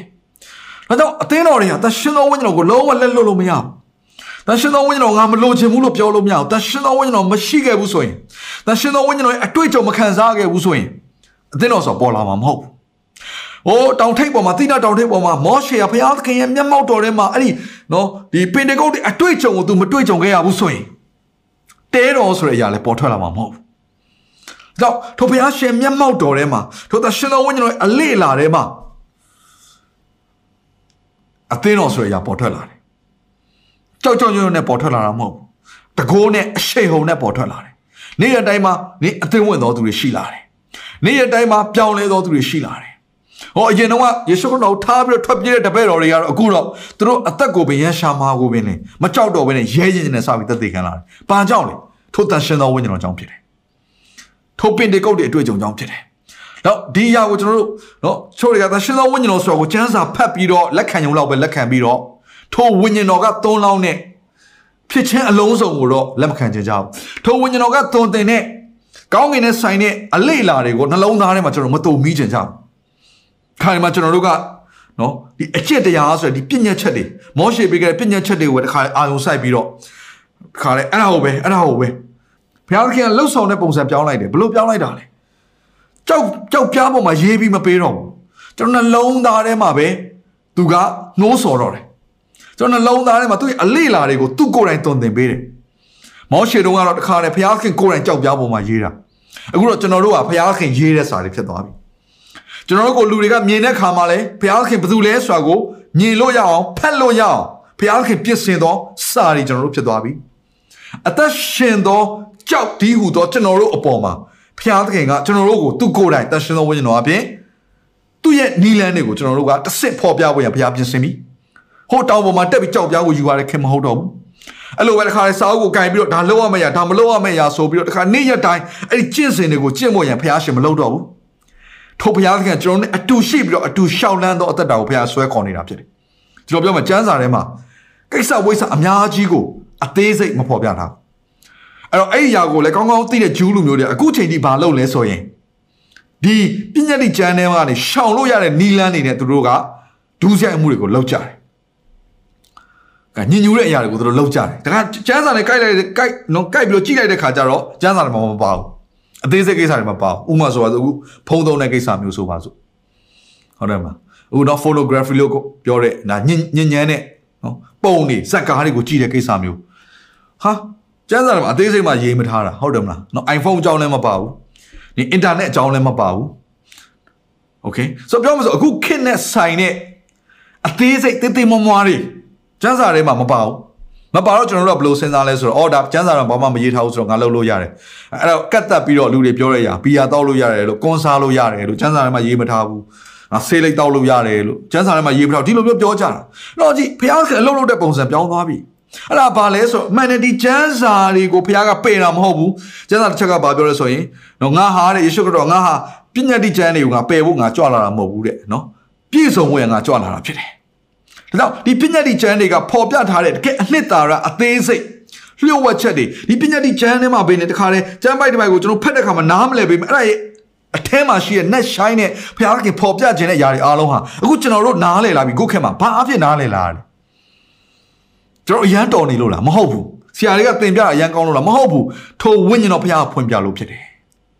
ထိုဝိညာဉ်တော်ဘုရားကသူ့အချိန်နဲ့သူကလမ်းညွှန်နေတာ ခါဒီကျွန်တော်ပြဿနာတစ်ခုကြုံတဲ့အခါမှာကျွန်တော်တို့ကိုစမ်းစာသင်ပေးတဲ့ဆရာတွေလိုက်ရှာလို့မရတော့ဘူးဖုန်းခေါ်လို့မရတော့ဘူးနော်ကျွန်တော်တို့နားလည်မှုတဲ့အရာဒီခါနဲ့ internet မှာရှာပြီးတော့ study လုပ်ဖို့အချိန်မရအချိန်အများကြီးရှိတယ်လျှက်တစ်ပြက်ဆုံးဖြတ်ရတာတွေအများကြီးရှိတယ်အခက်အခဲမှာကြုံတဲ့အခါမှာဘလို့ဒီဒီဒီလမ်းကိုငါဘလို့ရှောက်ရမလဲဆိုပြီးတော့ဆုံးဖြတ်တဲ့အချိန်တွေမှာကျွန်တော်တို့ကဘယ်သူမှလာမကူတော့ဘူးအဲ့ချိန်မှာအတွင်းထဲကနေငိမ့်သက်ခြင်းအဖြစ်ဒီခါအတွင်းထဲကနေဘယ်သူမှကိုကိုလာပြီးတော့နော်အပြင်ကနေဘယ်သူမှလာပြီးကိုအကြံမပေးဘူးအတွင်းထဲကနေပြီးတော့တကယ့်ကိုတိုးညင်းသောအတန်နဲ့ ခအတွင်းထဲကနေပြီးတော့ကျွန်တော်တို့ကိုနှိုးဆော်ခြင်းနဲ့ကျွန်တော်နားနေတဲ့ဘာသာစကားနဲ့အထက်ကနေစပြီးတော့ဘုရားရှင်ပြောဆိုတဲ့အရာတွေကနေပြီးတော့အဲ့တွန်းအားပေးတဲ့အရာတွေကျွန်တော်တို့ဆုံးဖြတ်ပြီးတော့လှုပ်ဆောင်လိုက်တဲ့အခါမှာနော်ကျွန်တော်တို့အသက်တာထဲမှာဒီကျမ်းစာထဲမှာဖော်ပြတဲ့ပညာတိကျမ်းတွေမှာမပါပေမဲ့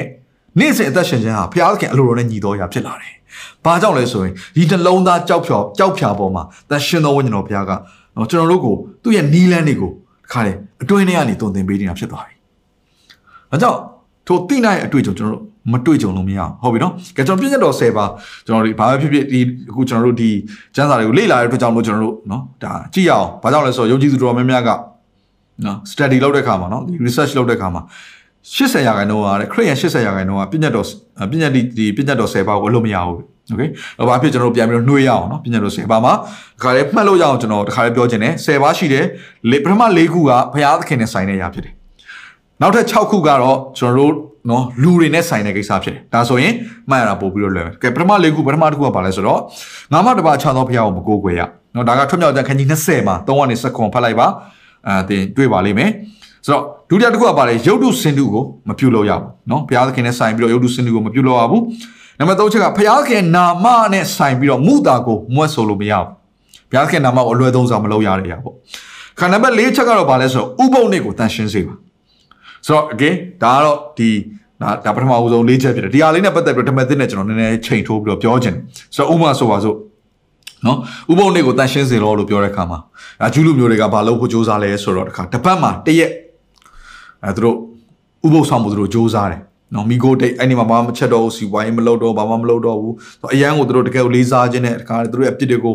အာသူတို့နောင်တရခြင်းနဲ့တခါဘုရားသခင်ရှိမှတိုးဝင်ပြီးတော့အဲ့ဒီနေမှာအဲ့ဒီຢာကိုကျွန်တော်တို့အာခရစ်ယာန်တော်တော်များများလည်းလိုက်လုံးကြတယ်ဆိုတော့ဂျူးလူမျိုးတွေတော့စနေနေ့သတ်မှတ်တယ်ခရစ်ယာန်တွေကတခါဆန်ဒေးသတ်မှတ်တယ်ဒါပေမဲ့စိတ်ဝင်စားစရာကောင်းတဲ့ချက်ကဘာလဲဆိုတော့ဆန်ဒေးမှာတော့အကုန်လုံးနော်ဥပုံနေ့ဆိုပုံစံမျိုးစောင့်ထိန်ပြီးတော့ကြံတဲ့6ရက်ကတော့ကိုလှုပ်ချင်အောင်လှုပ်ပြီးတော့ဒူးရိုက်ထဲမှာခါကျင်းလဲပြီးတော့အဲ့တော့ဘုရားသခင်ကနောက်ပိုင်းကျတော့ နော်တော့နောက်ပိုင်းကျတော့မဟုတ်အဲ့လိုမျိုးလှုပ်တဲ့လူတွေရဲ့နှလုံးသားကိုမြင်တဲ့ကောင်ဘုရားသခင်ဝမ်းနေပြီးတော့နော်ဆိုတော့ဘုရားသခင်ဒီအကျင့်တွေထဲတဲ့နော်ကျွန်တော်နှလုံးသားကြိုးနော်ကြေမွားခြင်းနှလုံးသားကြိုးပဲကြေမွားခြင်းဘုရားရှာပိုနှစ်သက်တယ်ဆိုတော့နောက်ပိုင်းကျတော့ဘာဖြစ်လာလဲဆိုတော့ယေရှုခရစ်တော်လက်ထက်ရောက်လာတဲ့ခါကျတော့ယေရှုခရစ်တော်ကဥပုံနေ့တွေပါအဲ့တော့ဂျူးလူမျိုးတွေနော်ဒါအင်မတန်မှ serious ကိစ္စဖြစ်တယ်နော်အဲ့ဒီနေ့မှာသူတို့တွေကဘာအလုံးမမလုပ်ဘူးတခါအစာရှောင်ခြင်းမှုတွေနဲ့အစသဖြင့်ပေါ့နော် အာအာစားတောက်ခြင်းမှုပျော်ပါခြင်းမှုတွေသူတို့မလုပ်တဲ့အချိန်မှာယေရှုခရစ်တော်သူ့ရဲ့တပည့်တွေတခါလေပျော်ပါပြီးတော့ရှင်လန်းဝမ်းမြောက်ပြီးတော့တခါလေသူတို့ဂျုံစပါးလက်ကွဲကိုရှောက်သွားပြီးတော့တခါလေခူးပြီးတော့စားကြတာပေါ့နော်စားတာကိုသူတို့တွေ့တယ်ဖာရီရှယ်ဇက်တူကတွေတွေ့တခါနောက်ချိန်ကျတော့ဥပုံနေမှာတခါယေရှုခရစ်တော်တန်ရှင်းခြင်းဟိုနော်အမှုကိုပြုတယ်ပြောမဆိုရင်ဒါနူနာဆွဲလူကိုပျောက်စေတယ်ယောဂရှိတဲ့လူကိုပျောက်ကင်းစေတဲ့ခါကျတော့အခါဖာရီရှယ်ဇက်တူကတွေကပြောလာပြီဥပုံနေကိုဘာဖြစ်လို့နော်မင်းမစင်ကြအောင်လုပ်တာလဲနော်ဥပုံနေကိုဘာဖြစ်လို့ နော်မနော်ဒီအခုဒီပညာတိကျမ်းမှာပါတဲ့ဟာဥပုံတွေကိုတတ်ရှင်းစေလို့တဲ့အရာမင်းဘာဖြစ်လို့မထိန်တာလဲလို့ပြောတဲ့အခါမှာနော်အဲ့မှာဆိုတော့ယေရှုခရစ်တော်ပေးခြင်းတဲ့ message လေးကဘာလဲဆိုတော့ तू သင်ပေးခြင်းတဲ့အရာကနော်နေ့ရက်တိုင်းဟာဥပုံနေကဲ့သို့ဖြစ်သွားပြီအရင်တော့ဆိုရင်ဂျူးလူမျိုးတွေကဆိုကိုးကွယ်မယ်ဆိုယေရုရှလင်မြို့ကိုသွားပြီလေဒါနဲ့နော်ရှမာရိမျိုးသမီးနဲ့ယေရှုခရစ်တော်တွေ့တဲ့ဇလန်လေးကိုသိမှာပါနော်ယောဟန်ခန်းကြီးလေးမှာ ဘာပြောလဲယေရှုခရစ်တော်ကဤတောင်တို့လည်းမလာနော်ယေရုရှလင်မြို့လို့မသွားဘဲနဲ့နော်ခါကိုးကွယ်ရမယ့်အချိန်ယခုပင်ရောက်နေပြီဆိုကိုးကွယ်ခြင်းနဲ့ဆိုင်တဲ့နည်းနည်းတဲ့အရာနံဝိညာဉ်လည်းကောင်းသစ္စာနဲ့လည်းကောင်းဒီအင်မတန်မှနည်းနည်းတဲ့ကိုးကွယ်ခြင်းအမှုရာကိုလည်းရှမာရိမျိုးမျိုးသူကဖွင့်ပြတယ်ဆိုတော့ကျွန်တော်တို့တစ်ခါတလေမှာကျွန်တော်တို့ရဲ့စဉ်းစားတဲ့အတွေးခေါ်တွေကတစ်ခါတလေဘယ်လိုဖြစ်တယ်ဆိုအရန်ပညာတိကျမ်းဆန်လွန်အားကြီးဥပုံနေပဲမိတန်းနေကြတော့လေသူကတစ်ခါလဲ အရန်ကိုနော်ဘုရားကမိနစ်တက်တဲ့ဟာလေအကုန်လုံးတယ်ဥပုံနေကြဆိုတာပြန်ပြီးတော့ဆောင်းထိန်လိုက်ပြန်ပြီဆိုတော့ဘုရားသခင်ဘာကိုပြောဆိုအဲ့ဒါတွေအားလုံးကဘာသာရေးသမားတွေလုပ်တဲ့ညာဖြစ်တယ်တကယ်ဘုရားကိုကြောက်ရွံ့တဲ့လူတယောက်ကနေ့ရက်တိုင်းဟာသူ့တဲ့ဥပုံနေဖြစ်နေဘာပြောနေ့ရက်တိုင်းမှာသူ့ရဲ့အသက်တာကိုသူတန်ရှင်းစေတယ်ဘုရားသခင်မိနစ်တက်တဲ့အရာတွေကို तू မလုပ်တော့ ဆိုတော့သူ့အတွက်နေ့ရက်တိုင်းဟာနော်မန်ဒေးဟာလည်းသူ့အတွက်ဘုရားခင်ကိုနှစ်သက်စေတဲ့နေ့ဖြစ်တယ်သူ့အတွက်တန်ရှင်းရနေ့ရက်ဖြစ်တယ်ဘုရားကိုကိုးကွယ်တဲ့နေ့ရက်ဖြစ်တယ်ဟိုသူ့အတွက်ယောဂတွေပျောက်ကင်းရနေ့ရက်ဖြစ်တယ်ငြိမ်သက်ချုံခံစားရတဲ့နေ့ရက်ဖြစ်တယ်အဲ့ဒီကကျေးဇူးတော်ချီးမွမ်းရနေ့ရက်ဖြစ်တယ်တင်းလို့နေတရက်တည်းမဟုတ်တော့ဘူးနေ့ရက်တိုင်းဟာဘုရားကိုကိုးကွယ်တဲ့နေ့ရက်ဖြစ်တယ်ဆိုတော့နေရာတိုင်းဟာဘုရားရှင်ကိုးကွယ်တဲ့နေရာဖြစ်သွားပြီဘုရားကြောင့်သွားရမှကိုးကွယ်တာမဟုတ်တော့ပြန်ဆိုတော့အဲ့တော့ဒါပညာတိကျမ်းကနေပြီးတော့တခါလေခုနော်ကျွန်တော်တို့ဓမ္မသစ်ကိုရောက်လာတဲ့အခါမှာကျွန်တော်တို့ brain တရားသစ်ကိုရောက်လာတဲ့အခါမှာ နော် upgrade ပို့ပြီးတော့မြင့်သွားတဲ့အရာတစ်ခုဖြစ်တယ်နော်အဲ့အောက်ကိုကျသွားမှာမဟုတ်တော့ပို့ပြီးတော့မြင့်သွားအရင်တော့ဥပုံတွေကတရက်ပဲအခုတော့ဥပုံတွေဘယ်နည်းဖြစ်သွားပြီလဲနေ့ရက်တိုင်းဥပုံတွေဖြစ်သွားပြီဘယ်ဟာပို့ပြီးတော့နော်အာမြင့်မယ်ထင်တယ်ဓမ္မဓမ္မသစ်မှာရှိတဲ့ဒီ brain တရားသစ်ကပို့ပြီး upgrade ဖြစ်သွားတယ်ဒါကြောင့်ယေရှုခရစ်တော်လက်ဝါးကားတဲ့ပုံမှာအသေးခံခြင်းဟာအခုဓမ္မဟောင်းကျမ်းမှာဖော်ပြထားတဲ့ပညာချက်တွေကိုသူကပယ်ဖြတ်တာမဟုတ်ဘူးယေရှုခရစ်တော်ကြွလာခြင်းကပယ်ဖြတ်တာမဟုတ်ဘူးသူကပြည့်စုံစေတဲ့အပြင် upgrade လုပ်လိုက်တယ် နော်အကယ်ခုဒါဘုရားသခင်နဲ့ဆိုင်တဲ့ပြည့်ညက်တိအာကြံနော်ပထမနော်ပြည့်ညက်တော်10ပါးကပထမ၄ခုအကယ်လူနဲ့ဆိုင်တဲ့ຢာကိုပြောပြီးတော့ယေရှုခရစ်တော်ကရောအဲ့ဒါတွေနဲ့ပတ်သက်ပြီးတော့ဓမ္မသစ်မှာဘာပြောလဲဆိုတာကျွန်တော်ကြည့်ရအောင်နော်အဲပထမအဲ့တော့6ခုရှိတယ်လူနဲ့ဆိုင်တဲ့ຢာကပထမတစ်ခုကဘာလဲဆိုတော့မိဘကိုနော်ရိုသေစွာပြုတ် မိဘကိုရိုးစားပြုပါတခါနောက်တစ်ခုကပါဆိုတော့လူအသက်ကိုမသက်ရအောင်နောက်တစ်ခုကသူ့မယားကိုမပြစ်မှားရအောင်နောက်တစ်ခုကသူ့ဥစ္စာကိုမခိုးရအောင်နောက်တစ်ခုကအိမ်ကြီးချင်းပေါ်မမှန်တဲ့တသက်ကိုမခံရအောင်ပြောလို့ဆိုမလိမ်မညာရအောင်နောက်တစ်ခုကသူတို့ဘာနဲ့ဆိုင်တဲ့အရာကိုမတတ်မရအောင်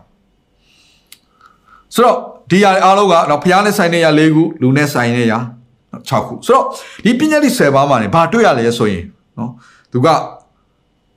vertical relationship ကိုတွေ့ရတယ် horizontal relationship ကိုတွေ့ရတယ် ကဲအခုလူနဲ့ဆိုင်တဲ့အရာနဲ့ပတ်သက်ပြီးယေရှုခရစ်တော်ကပြောလဲ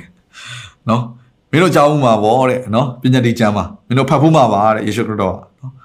သူများမရကိုမပြစ်မှားရဘူးဆိုတဲ့အရာဖတ်ဖို့မှာပါဆိုတော့ငါရဲ့ပညာချက်ကတော့ဘာဖြစ်လဲဆိုတော့နော်သူများသားသမီးကိုနော်သူများသားမယားကိုတက်မှတ်သောစိတ်အားဖြင့်မျက်စိနဲ့ကြည့်မိမယ်ဆိုရင်တော့မှာတဲ့တက်မှတ်တက်မှတ်တဲ့စိတ်နဲ့နော်မျက်စိနဲ့ကြည့်လိုက်တဲ့ဆိုပြီးအပြစ်မှားသွားပြီ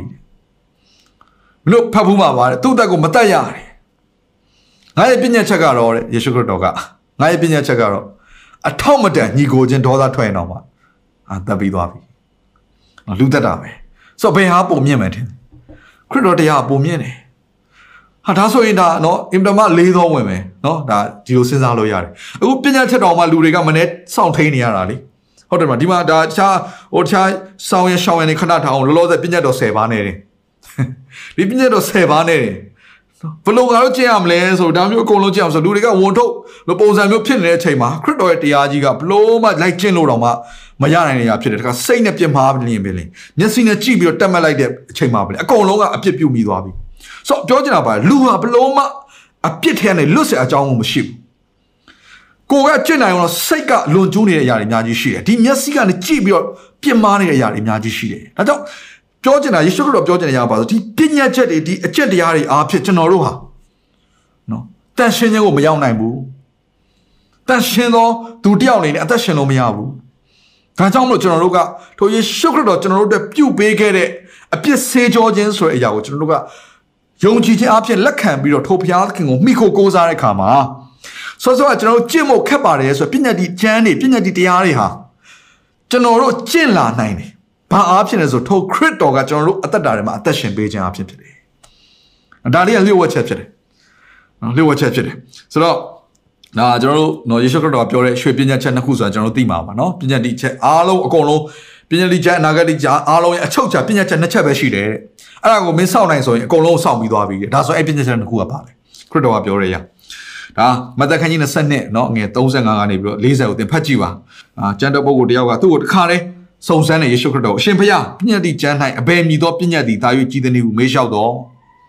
ယေရှုကသင်ဖျားခင်ထာဝရဖျားကိုစိတ်နှလုံးအကျွမ်းမဲ့ဉာဏ်ရှိသမျှနှင့်ချစ်လော့ဟဟူသောပညာသည်ပထမပညာဖြစ်၏ကြီးမြတ်သောပညာသည်ပညာလည်းဖြစ်၏ထိုမှတပါကိုနှင့်ဆက်ဆိုင်သောသူကိုကိုနှင့်အမြချစ်တော်ဟူသောဒုတိယပညာသည်ပထမပညာနှင့်သဘောတူ၏ထိုပညာနှစ်ပါးတို့က ပညာတိကျမ်းနှင့်အနာဂတိကျမ်းတို့ရှိသမျှ၏အချုပ်ချာဖြစ်သည်ဟုမိန်တော်မူ၏ဒါဆိုအကျင့်တရားအားလုံးရဲ့အချုပ်ချာပါလေနှစ်ခုရှိတယ်စောစောကကျွန်တော်ပြောခဲ့ပြီးပြီပညာတော်10ပါးမှာအပေါ်အပေါ်အောက်ဆက်ဆံရေးရှိတယ် vertical နော် vertical ဆက်ဆံရေး horizontal ဆက်ဆံရေးဆိုတာရှိတယ်အခုဒီပညာချက်မှာလည်းအဲ့ဒါပဲပထမတစ်ခုကပါတယ်ပညာချက်နှစ်ချက်ရှိရနော်ယေရှုခရစ်တော်ပြောတဲ့ပညာချက်နှစ်ချက်ဒီနှစ်ခုဟာတဲ့ပညာတိကျမ်းနဲ့အနာဂတ်ကျမ်းအားလုံးအချုပ်ချဖြစ်တယ်ဒါဆိုပထမတစ်ခုကပါလေ သင်ဤဖျားသခင်ထာဝရဘုရားကိုအပေါ်အောက်ဆက်ဆံရေးဖြစ်တယ်သင်ဤဖျားသခင်ထာဝရဘုရားကိုစိတ်နှလုံးအကျွမ်းမဲ့ဉာဏ်ရှိသမျှနဲ့ချစ်ပါနောက်တစ်ခုကပါလေကိုနဲ့ဆက်ဆိုင်သောသူကိုကိုနဲ့အမြတ်ချစ်ပါဒါကကြတော့ horizontal ဖြစ်သွားပြီဆိုတော့ပညာတိနော်ပညာတော်10ပိုင်းအနှစ်ချုပ်ကဒီနှစ်ခုဖြစ်တယ်ဒီနှစ်ချက်ပဲအဲ့ဒါအပြင်ကျန်တဲ့ဆောင်ရန်ရှောင်းရန်နေအားလုံးအပါဝင်နောက်ဆုံးအနာဂတ်ကျန်ရှိအရာခတ်သိမ်းအချုပ်ဟာလည်းပါပဲလေဒီနှစ်ခုပဲဖြစ်တယ်ဒါကြောင့်ကျင့်တဲ့အရာမဟုတ်တော့ဘဲနဲ့ ချစ်ကျွမ်းဝင်တဲ့အရာဖြစ်သွားတယ်သူရဲ့နှစ်ချုပ်ကအဲ့ဒါပဲသူကနော်စ조사အားထုတ်ပြီးကြင့်ကြံတဲ့အရာမဟုတ်တော့ဘဲနဲ့ဖျားခင်နဲ့ရင်းနှီးကျွမ်းဝင်ခြင်းကိုတိဆောက်လိုက်တဲ့အရာဖြစ်သွားတယ်လူကမရတော့ဘူးဘလို့မှမစုံလင်နိုင်တော့စိတ်နှလုံးကဖောက်ပြန်နော်အားထုတ်လို့မရတော့ကျန်ဘုရားခင်ပေးခဲ့တဲ့ပြည့်ညတ်တိချန်နဲ့နဲတာမှမဟုတ်တာနော်အကုန်လုံးကဏ္ဍအစုံတွက်ပါတယ်နိုင်ငံတိုင်းနိုင်ငံထူထောင်လို့ရတဲ့အခြေခံပြောမယ်ဆိုရင်ဒီ နော်ဟို constitution လို့ပြောလို့ရတယ်တကယ်အခြေခံဥပဒေတော့ပြောလို့ရတယ်အကုန်လူမှုရေးအစခါတဲ့ကိုးကွယ်ခြင်းကအားအဝတ်စားကစအကုန်ပါတဲ့ຢာတခုအစားတောက်ကစအကုန်ပါတဲ့ຢာတခုဖြစ်တယ်ဟာအဲ့ဒါတွေကိုလိုက်ပြီးရှောင်းမယ်နော်တခါဆောင်းမယ်ဆိုရင်တော့နော်လုတ်တဲ့လူတွေအများကြီးရှိပါတယ်ဒါပေမဲ့လူတွေအားလုံးကဘာသဘောပေါက်လာလဲဆိုတော့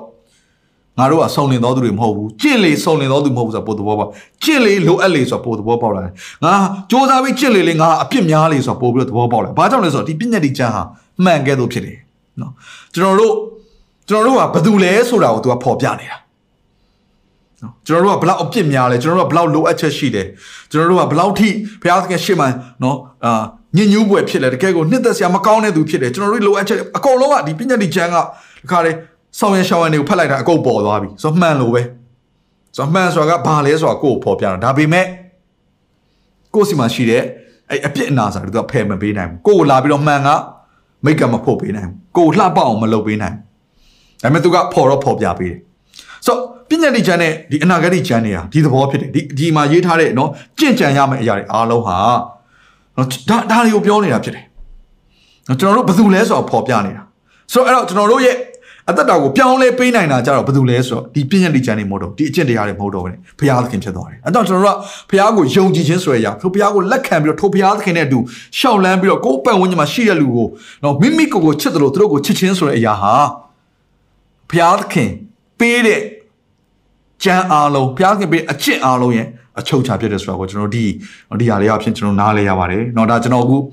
เนาะဒီအခု ဒီထွက်ပြောက်ချမ်းထဲမှာဒီခီးစင်ထဲမှာပါတယ်ဘုရားသခင်ပေးတဲ့ပညာတိကျမ်းတွေနဲ့ပတ်သက်ပြီးတော့ဓမ္မသစ်နဲ့ဓမ္မဟောင်းကိုပြန်ပြီးတော့ကျွန်တော်ချိတ်ဆက်ပြီးတော့ကျွန်တော်ပြောသွားတာဖြစ်တဲ့မသက်ခန်းကြီး9ငယ်စက္ကုံဖတ်ခြင်းနဲ့ပညာတိကျမ်းအနာဂတ်ကျမ်းများကိုပယ်ဖြတ်ခြင်းကငါလာသည်မထင်ကြနဲ့ပယ်ဖြတ်ခြင်းကလာသည်မဟုတ်ပြည့်စုံခြင်းကလာသည်အခုတိနာတော်မှာရောက်တဲ့အခြေအနေအင်မတန်မှစိတ်ဝင်စားစရာကောင်းတဲ့အခြေအနေတစ်ခုဖြစ်တယ်အင်မတန်မှစိတ်လှုပ်ရှားစရာကောင်းတဲ့အရာတစ်ခုဖြစ်တယ်။ဘာကြောင့်ဆိုဘုရားသခင်နဲ့တဖူးတူတူတွေ့ဆုံတာဆိုတော့ဘုရားသခင်က အာမောရှေတယောက်တည်းဝယ်မခေါ်တော့ဘူးသူကအသက်ကြီးသူ80ကိုစပြီးတော့သူကနော်တောင်ပေါ်ကိုခေါ်တယ်ကျွန်တော်ဒီအဖြစ်ပြက်မှာဘာတွေ့ရလဲဆိုတော့အသက်ကြီးသူ80ကိုဘုရားသခင်ကသူတို့ဒီဣသရေလလူမျိုးတွေရဲ့နော်အာခေါင်းဆောင်တွေနေနဲ့စပြီးတော့သူကပိတ်သိချင်မပေးသေးဘူးနော်စပြီးတော့ပိတ်သိဖို့ပြင်ဆင်နေတဲ့အချိန်ပဲဒါကြောင့်သူကပထမဆုံးဘာလုပ်လဲဆိုရင်သူရဲ့မျက်မှောက်တော်အလေးလာကိုနားလည်ဖို့ရတော့စပြီးတော့သူကတောင်ပေါ်စပြီးတော့ခေါ်တယ်ကျွန်တော်တို့ထွက်မြောက်တဲ့ခန်းကြီး23နဲ့24ကိုဖတ်ကြည့်မယ်ဆိုရင်မောရှေရဲ့နော်အသက်ကြီးသူ80ရောရှုတယ်အဲ့တော့ အဲ့ဒီမှာဘာတွေ့ရလဲဆိုရင်တက်ကြီးသူ90ကတခါလမ်းခုလက်မှာပဲသူတို့တက်လာပြီးတော့သူတို့ပြန်ပြီးတော့ဆင်းသွားတယ်ဒါပေမဲ့မောရှင်နဲ့ယောရှုကဆက်ပြီးတော့တောင်ထိပ်ထိတက်တက်ဆက်ပြီးတော့တက်သွားပြီးတော့ဘုရားသခင်မျက်မှောက်တော်တွေကိုဆက်ပြီးတော့သူတိုးဝင်ဖို့သွားတဲ့အခါမှာအမှရက်40စပြီးတော့ကြာတယ်အဲ့တော့ရက်40ဘုရားသခင်မျက်မှောက်တော်တွေမှာသူကြာနေတဲ့အချိန်မှာအချိန်ယူနေတဲ့အချိန်မှာအောက်ဘက်မှာတော့ဘာဖြစ်နေလဲဆိုတော့နော်လူတွေကအာယုံကိုတခါနဲ့နှိုးဆော်ပြီးတော့သူတို့အတွက်ဘုရားကိုပြင်ဆင်မှာဘာကြောင့်လဲဆိုတော့မောရှေကနော်တောင်ပေါ်မှာရက်40လောက် နော်သူကကြာတာကိုကြာတဲ့ခါကျတော့နော်သူတို့မခေါင်းဆောင်မရှိတော့ဘူးဆိုပြီးတော့ခါသူတို့ငါတို့ကိုးကွယ်မဲ့ဖရားကိုလောက်ပါဆိုတော့အဲ့ဒီမှာနော်အာယုံကနေပြီးဥဆောင်ပြီးတော့နော်သူတို့ရဲ့နော်ရွှေနှတောင်းတွေသူတို့အကုန်လုံးစုပြီးတော့သူကရွှေနွားရုပ်ထုကိုစပြီးတော့သွန်းလောင်းပြီးတော့ကိုးကွယ်တယ်အပေါ်မှာကျတော့ဘုရားသခင်ကနော်အဲ့လိုမျိုးရုပ်ထုပြုလုပ်ပြီးတော့မကိုးကွယ်ဖို့ဆိုပြီးတော့ပြည့်ညက်တိချံကိုပေးနေတဲ့အချိန်မှာအောက်မှာရွှေနွားရုပ်ထုကိုလုပ်ပြီးကိုးကွယ်ကြပြီးတော့သူတို့အဝတ်ချီးစည်းနဲ့သူတို့အားလုံးကတခါတည်းကခုံမြူတူကြတယ်ဆိုတော့ကျွန်တော်စံစာတွေမှာဖတ်ရတယ်ပြီးခဲ့တဲ့ နော်အပိုင်းနေတုန်းကလည်းကျွန်တော်ဒီຢာလေးကိုတေချာလေးပြောပြပါတယ်အဲကုတုနဲ့ဆိုင်တဲ့ဖျားတွေပါဒီရွှေနွားရုပ်ထုလေးကဘာကိုပြောလဲဆိုတော့ကြွယ်ဝါခြင်းကိုပြောသူကလောကလောကီနဲ့ဆိုင်တဲ့တတ်မှတ်ခြင်းဝမ်းမြောက်ခြင်းရွှင်လန်းခြင်းဒါတွေကိုပြောနေတာဖြစ်တယ်ဆိုတော့ဒီရွှေနွားရုပ်ထုကိုကိုးကွယ်တဲ့ချိန်မှာအဲ့ဒါနဲ့ဆိုင်တဲ့ဝိညာဉ်ဟာလေနော်သူတို့ရဲ့ဒါလူမှုအတိုင်းဝိုင်းတွေကိုရောက်လာပြီးတော့သူတို့အားလုံးဟာနော်အဝိအဝိဘယ်သူတို့ကိုယ်ခန္ဓာမှာမကတ်တော့ဘဲတခါတည်းမြူတူကကုံခြင်းနဲ့သူတို့ဘုရားသခင်ကိုအကြီးအကျယ်ပြစ်မှားကြတဲ့အခါမှာဘုရားသခင်မောရှေကိုပြန်ပြီးတော့ဆင်ခိုင်းပြီးတော့အဲ့ဒီမှာဘုရားသခင်ရဲ့တရားစီရင်ခြင်းစပြီးတော့ဖြစ်လာတယ် အဲ့ဒါကိုတော့ဒီအဖြစ်အပျက်တွေဥဆောင်တဲ့လူကဘယ်သူလဲဆိုရင်အာယုံဖြစ်တယ်ဒါပေမဲ့စိတ်ဝင်စားစရာကောင်းတဲ့ချက်ကဘုရားသခင်ရဲ့ဂယုဏတော်မောရှေရဲ့စိတ်ရှည်ခြင်းနဲ့နော်အာယုံဆိုတာဘယ်သူလဲသူ့ရဲ့လက်ထောက်ဖြစ်တယ်နော်သူ့ရဲ့ prophet လို့တော့မှဘုရားကပြောတဲ့အထိခါလေခတ်အပ်ပြီးတော့မောရှေကိုလက်ထောက်လုပ်ဖို့ခံထားတာတော့သူဖြစ်တယ်အခုအသင်းတော်အနေနဲ့ပြောမယ်ဆိုကျွန်တော်အခုခေတ်နဲ့ပြောမယ်ဆိုလက်ထောက်တင်ဦးဆရာပေါ့နော်ဒုတိယလူပေါ့ဆိုအခုမောရှေကခေါင်းဆောင်သူ့ရဲ့အောက်မှာသူ့ကိုလက်ထောက်လုပ်တဲ့ဒုတိယနေရာမှာရှိတဲ့အာယုံကခါတယ် ဘုရားသခင်ကိုစန့်ကျင်ခြင်းဆိုတဲ့အရာကိုလှုပ်ဆောင်တဲ့ချိန်မှာဘုရားသခင်တရားစီရင်တဲ့အခါမှာမောရှေကအာယုံကိုစားတောင်းပန်ပြီးတော့ဘုရားသခင်ကိုယ်တိုင်ကလည်းဘာပြန်လုပ်လဲဆိုရင်နောက်ပိုင်းကျွန်တော်ဝိပြောကြအောင်ဖတ်တဲ့အခါမှာအာယုံနဲ့သူ့ရဲ့မျိုးနွယ်ကိုရစ်ပရောအနေနဲ့ခံရတယ်အပြစ်လွတ်ရုံနဲ့မကဘူးနော်ဘုရားသခင်ကအင်ပဒမကြီးလေးတဲ့အမှုကိစ္စကိုလည်းအာယုံပေါ်မှာအန်နေနေဆိုတွေ့ရမယ်ဆိုတော့ဘုရားသခင်ရဲ့စိတ်ရှည်ခြင်းဘယ်လောက်ထိကြီးမားလဲအင်ပဒမယွန်ရှာပွဲရဘုရားသခင်မနစ်တဲ့အရာကိုပြင်ဘုရားသခင်ရှင်းပေါက်မှာ ဘုရားသခင်ဒီလောက်ထိနမိတ်လက္ခဏာတွေပြပြီးတော့ခေါ်ထုတ်လာတဲ့ထိုဘုရားဒီလောက်ထိကောင်းမြတ်တဲ့ဘုရားသခင်ရဲ့အလေးလာကိုခံစားနေရတဲ့အချိန်မှာပဲလင်သူတို့ဒီဘုရားသခင်ကိုတကယ်ကိုဆက်ဆုပ်ရွံ့ရှာဖို့ကောင်းသောအမှုကျင့်အဖြစ်ပုံကန်နေတဲ့အချိန်မှာပဲလင်ဘုရားသခင်ဟာအပြစ်လွတ်တယ်အကြောင်းတွေးရတယ်။နောက်တစ်ပြိုင်တည်းမှာပဲဘုရားသခင်ဒီနော်ဒီဒီလူတွေရဲ့နှိုးဆော်ခြင်းအဖြစ်ဘုရားသခင်တရားစီရင်ခြင်းကိုပြုတဲ့ခါမှာအဲ့ဒီနေ့မှာတခါလေလူ3000တခါလေသေသွားတယ်။ဆိုတော့ဘုရားသခင်က အပြစ်လက်ခွင့်လို့သူတို့တရားစီရင်ခြင်းနဲ့အမှုကိုပြုလုပ်တယ်ဆိုတော့ဒီညောင်မေးမေးစရာမေးခွန်းရှိတယ်အချို့ကြတော့အပြစ်ခွင့်လို့ပြီးတော့တချို့ကြတော့ဘာကြောင့်တရားစီရင်တာလဲနော်အသက်သေးတဲ့အထိဘာကြောင့်တရားစီရင်တာလဲဘာကြောင့်လဲဆိုဒီလူတွေဟာစိတ်နှလုံးခိုင်မာလို့ဖြစ်တယ်ဖာရောမင်းလို့ပဲနော်ဒီအကြောင်းလေးကိုကျွန်တော်အသေးစိတ်လေးချက်ကပြီးပြောခဲ့ပါတယ်ဖာရောမင်းရဲ့စိတ်နှလုံးဘုရားသခင်ခိုင်မာစေတယ်ဘာကြောင့်လဲဆိုရင်ရှေးဦးစွာသူကအချိန်ပေါင်းများစွာခိုင်မာခဲ့လို့ဖြစ်တယ် လူတွေဟာသူတို့စိတ်နှလုံးခိုင်မာလာပြီသူတို့ကညင်းညူလာကြပြီသူတို့ရဲ့နှလုံးသားတွေမပြောင်းလဲသူတို့အသက်တာတွေမပြောင်းလဲတော့ဘူးဆိုရင်သိချသွားပြီဆိုရင်ဘုရားသခင်ကဘုရားသခင်အချိန်ချင်းတော့အခွင့်အရေးပေးတယ်နော်အသက်တာပြောင်းလဲဘူးဒါပေမဲ့လုံးဝစိတ်နှလုံးခိုင်မာတယ်အချိန်ပေါင်းများစွာများလာပြီဆိုရင်ဘုရားသခင်ကသူတို့ကိုအဲ့ထဲမှာလွတ်ပေးလိုက်တော့တယ်ဆိုတော့ဘုရားသခင်ကဘာကြောင့်တရားစီရင်လဲဆိုရင်မပြောင်းလဲတော့ဘူးဆိုတာသိကြတဲ့လူတွေကိုတော့ဘုရားတရားစီရင်တယ်ဒါပေမဲ့ဘုရားဘက်ကိုပြန်လှည့်ဖို့အစဉ်သင်းရှိတဲ့လူတွေတော့ဘုရားသခင်အပြစ်ခွင့်လို့ခြင်းနဲ့ကြိုးဆိုတယ်အဲလိုဝချက်ဖြစ်တယ်အဲ့ တော့ကျွန်တော်ဒီဒီမေခွန်းလေးကချမ်းစာဖတ်တဲ့ကောင်အမြဲတမ်းမေးလေးရှိတယ်မေခွန်းလေးဖြစ်တယ်မေတ္တာရှင်ဖြစ်ပြီးတော့ဘာကြောင့်ဖះရှင်ကဒီလူတွေကြတော့တခါတည်းအဆုံးတိုင်အောင်တခါတည်းသူတို့ကိုအပြစ်ဒဏ်ကိုအားဖြင့်စီရင်တာလေဘာကြောင့်ဒီလူတွေဒီရန်သူတွေကိုကြတော့ဖះရှင်ကဖျက်ဆီးတာလေဖះရှင်မေတ္တာရှင်ဖះမဟုတ်ဘူးလားဒီမေခွန်းလေးရှိတယ်ဆိုတော့ဖះကဘာကြောင့်ဖြတ်စည်းတယ်ဆိုရင်ဒါကဘာဦးကျန်းကျွန်တော်လေ့လာတဲ့ခါမှာလည်းဒီကြောင်းကလေးကိုကျွန်တော်ပြောပြထားရှိပါတယ်ဒီကဘာဦးကျန်းကိုကဘာဦးကျန်းကိုလေ့လာတဲ့အရာကိုသင်နားထောင်စေချင်တယ်ဘုရားသခင်က နော်ဒီလူသားမျိုးနွယ်ထဲမှာသူ့ရဲ့အလေလာတွေကိုလက်ခံပြီးတော့သူ့ရဲ့နောက်ကိုလိုက်မဲ့လူတွေကိုသူကရွေးထုတ်ရတာဖြစ်တယ်။ဘာကြောင့်ဆိုအရန်ဆိုးတယ်လူသားတွေကနော်ဒူးဆိုင်လန်းကိုပဲနှစ်သက်တယ်မာနဲ့နဲ့နတ်ဆိုးနဲ့ပေါင်းဖော်ပြီးတော့ဒီကဘာပေါ်မှာဒူးဆက်အကုန်လုံးတယ်။ဒါကြောင့်အဲ့ခက်ကာတွေကသောတုံတို့ကောမောရာဆိုရှိပြီးသားဖြစ်တယ်။ကဘာဦးကလေးကနော်လိန်တူချင်းဆိုတဲ့အရာအကုန်လုံးကအခုအခုခက်မှပေါ်တာမဟုတ်ဘူး။ကဘာဦးကလေးကရှိခဲ့တဲ့အရာဖြစ်တယ်။ဘာကြောင့်လဲနတ်ဆိုးစီကလာတာ နတ်ဆိုးရဲ့အလေးလိုက်နေသူတို့ပေါင်းဖော်သွားလာပြီးတော့နော်ဘုရားရှင်သူ့ရဲ့လူတွေကိုလှုပ်ပြီးတော့သတိပေးတယ်တခါတန်ရှင်းရှင်းနဲ့ဆိုင်တဲ့စကားကိုပြောငါမင်းတို့ကိုဖန်ဆင်းတဲ့ဘုရားဖြစ်တယ်ပြောဘယ်သူမှလှည့်မလာတဲ့အခါမှာဘုရားသခင်နောက်ဆုံးပါလောက်ရတယ်ဒီလူတွေဒီတိုင်းထားရင်အဲ့ဒါတွေအားလုံးကဘုရားသခင်ရဲ့ဘုရားသခင်နောက်ကိုလိုက်ချင်တဲ့လူနည်းစုကိုလွှမ်းမိုးလာတော့မှာဒါကြောင့်မို့ဒီလူတွေအကုန်လုံးဖယ်ရတယ်မဖယ်ဘူးဆိုရင်ကဘာပေါ်မှာဘုရားသခင်နောက်ကိုလိုက်တဲ့လူဘယ်သူမှရှိမှာမဟုတ်တော့ကြောင့်ဘုရားသခင်ကအများကြီးတာနဲ့ဘယ်သူကိုယူရဲဆိုရင်အာဗြဟံတယောက်တည်းကိုစယူရကြည့်နော်ကျွန်တော်လူတွေအားလုံးကသူ့လမ်းသူသွားနေကြတဲ့အချိန်မှာ ဘုရားကအာဗြဟံကိုစယူတယ်လူနည်းစုလေးပဲအာဗြဟံကဘုရားနောက်ကိုလိုက်လာတယ်အာဗြဟံကမစုံလင်မှုတိုင်းဘုရားနောက်ကိုလိုက်လာတယ်ဆိုတော့ဘုရားသဘောအဲ့ဒါဖြစ်တယ်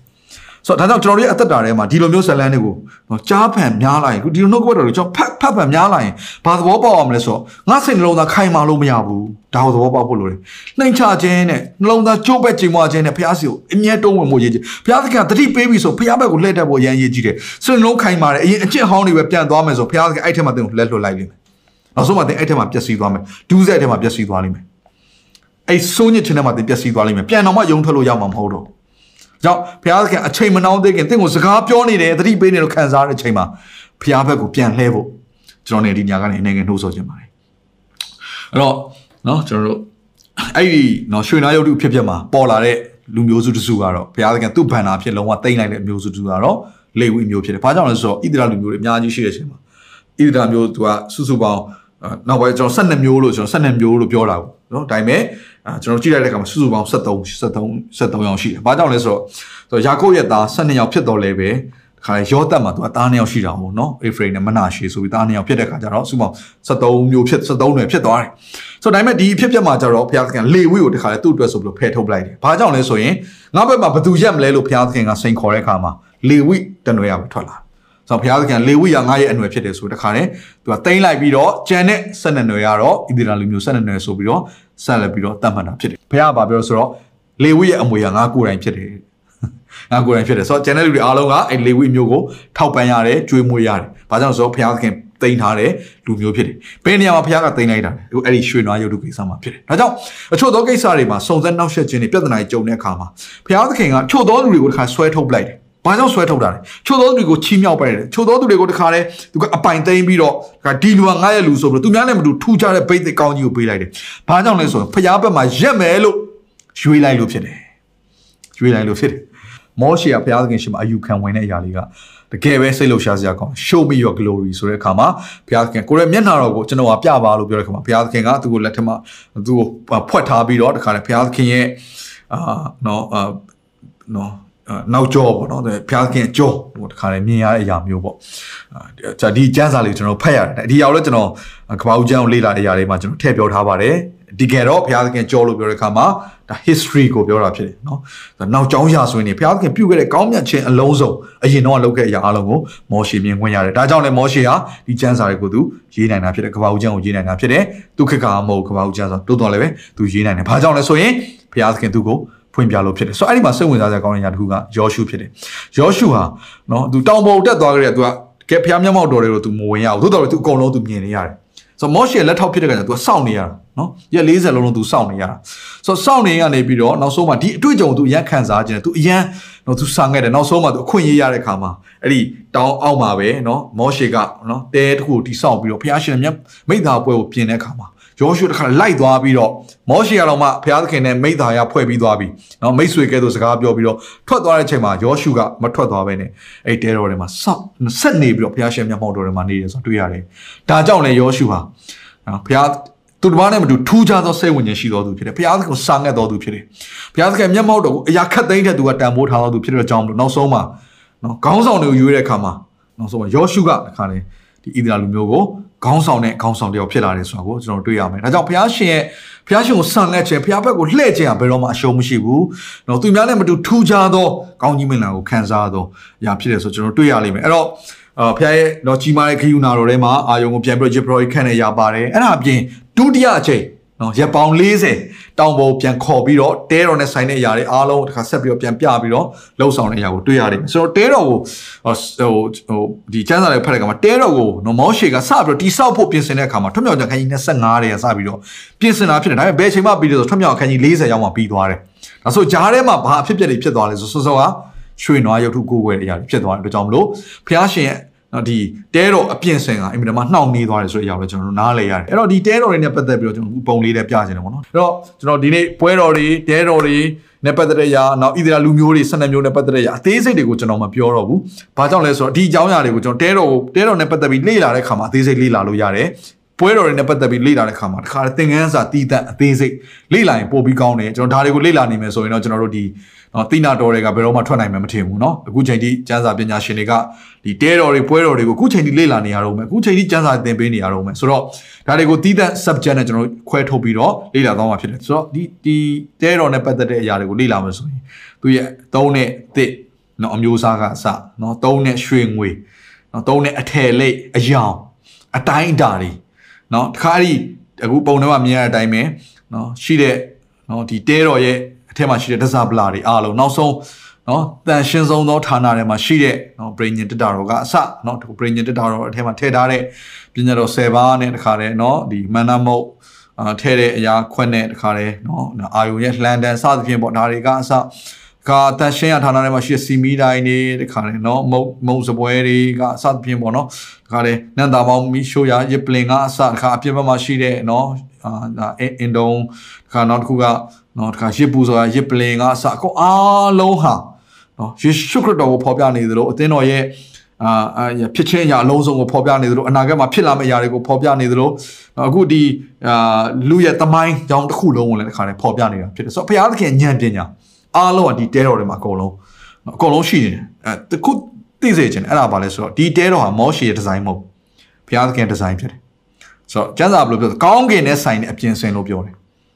ကောင်းကင်နဲ့ဆိုင်တဲ့အဆောက်အဦလို့ပြောတာဟုတ်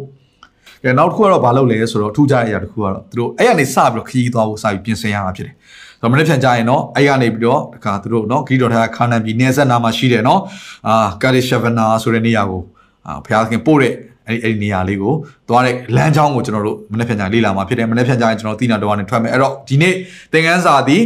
အာဒီနေရာပြဒီခရီးစဉ်အတွက်ပေါ့နော်သူတစ်နှစ်တာကာလသူတို့ တိနာတော်မှာကြုံခဲ့တဲ့အဖြစ်အပျက်လေးကိုအကျဉ်းချုံပြီးကျွန်တော်အာပြောတာဖြစ်တယ်ခီးစဉ်အနေနဲ့ပြောတာဖြစ်တယ်အဲ့တော့သူတို့ခီးထွက်ဖို့ပြင်ရတဲ့ကြောင့်သူတို့ဘာလုပ်လဲဆိုဒီအခုဒီခါကျတော့သူတို့ကအဲကုတုကထွက်လာသလိုလာလိုက်ခဲ့ကြဆိုဒီတိုင်းခေါ်လာတာမဟုတ်တော့ဘဲနဲ့သူက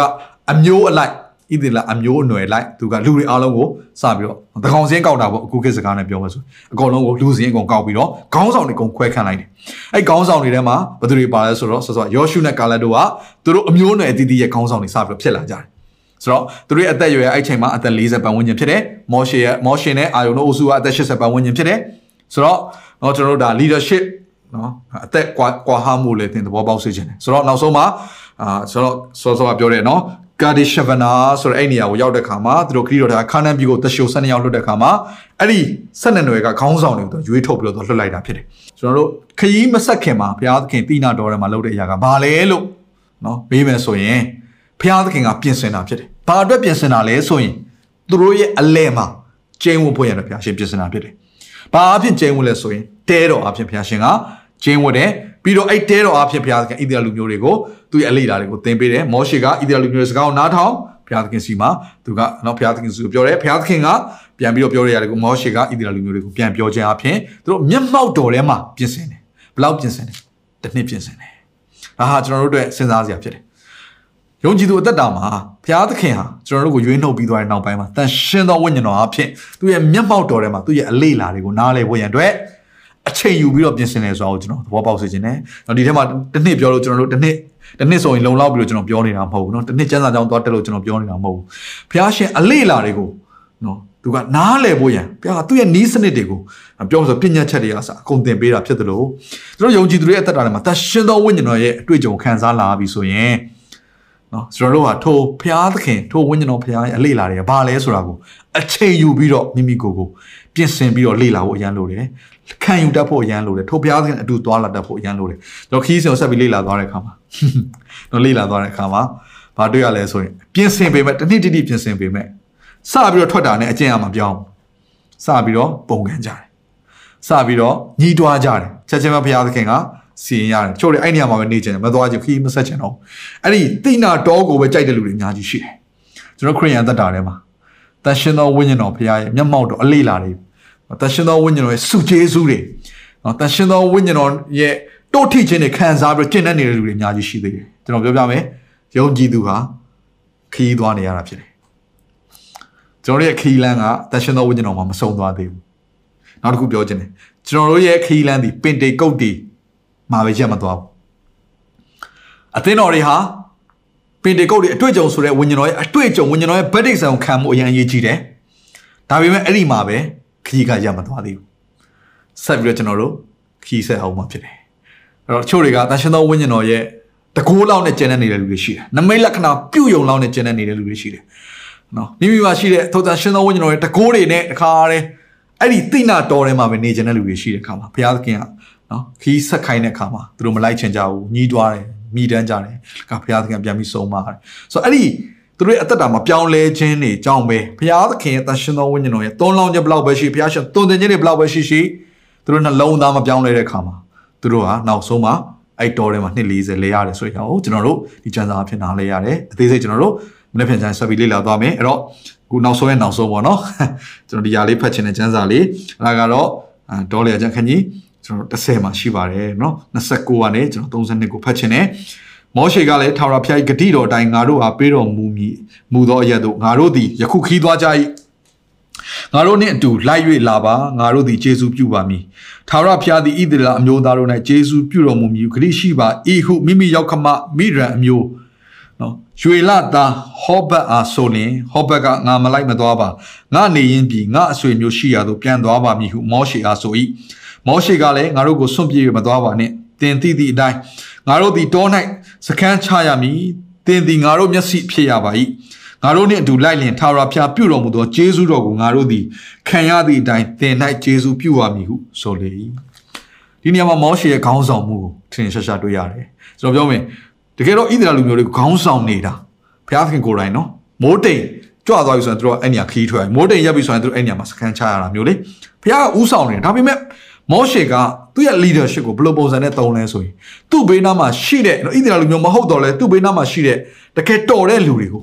သူကသူ့ဘေးနားမှာဆွဲခေါ်ထားတယ်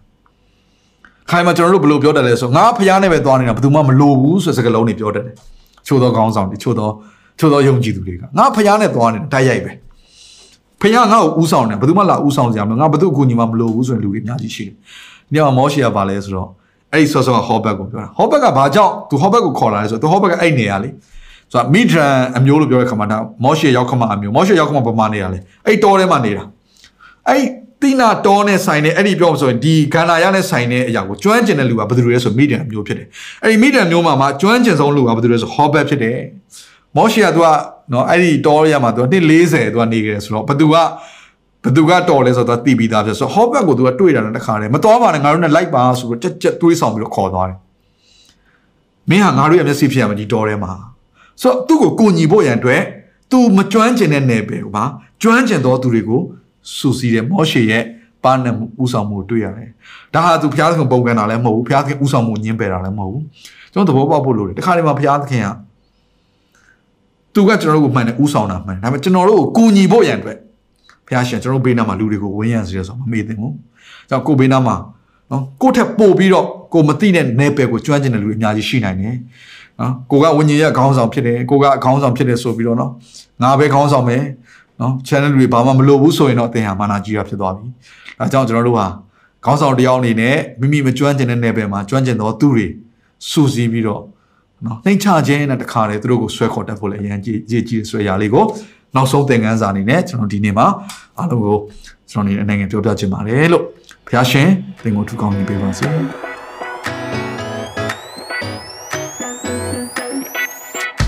ဒီအစီအစဉ်လေးအပြင်တင်းရဲ့အသက်တာမှာကောင်းကြီးဖြစ်မယ်ဆိုတာကိုကျွန်တော်ယုံကြည်ပါတယ်ဗီဒီယိုကြည့်ပြီးခံယူလို့ဒီများအတွက်အပတ်စဉ်တရားဟောခြင်းများ Bible Study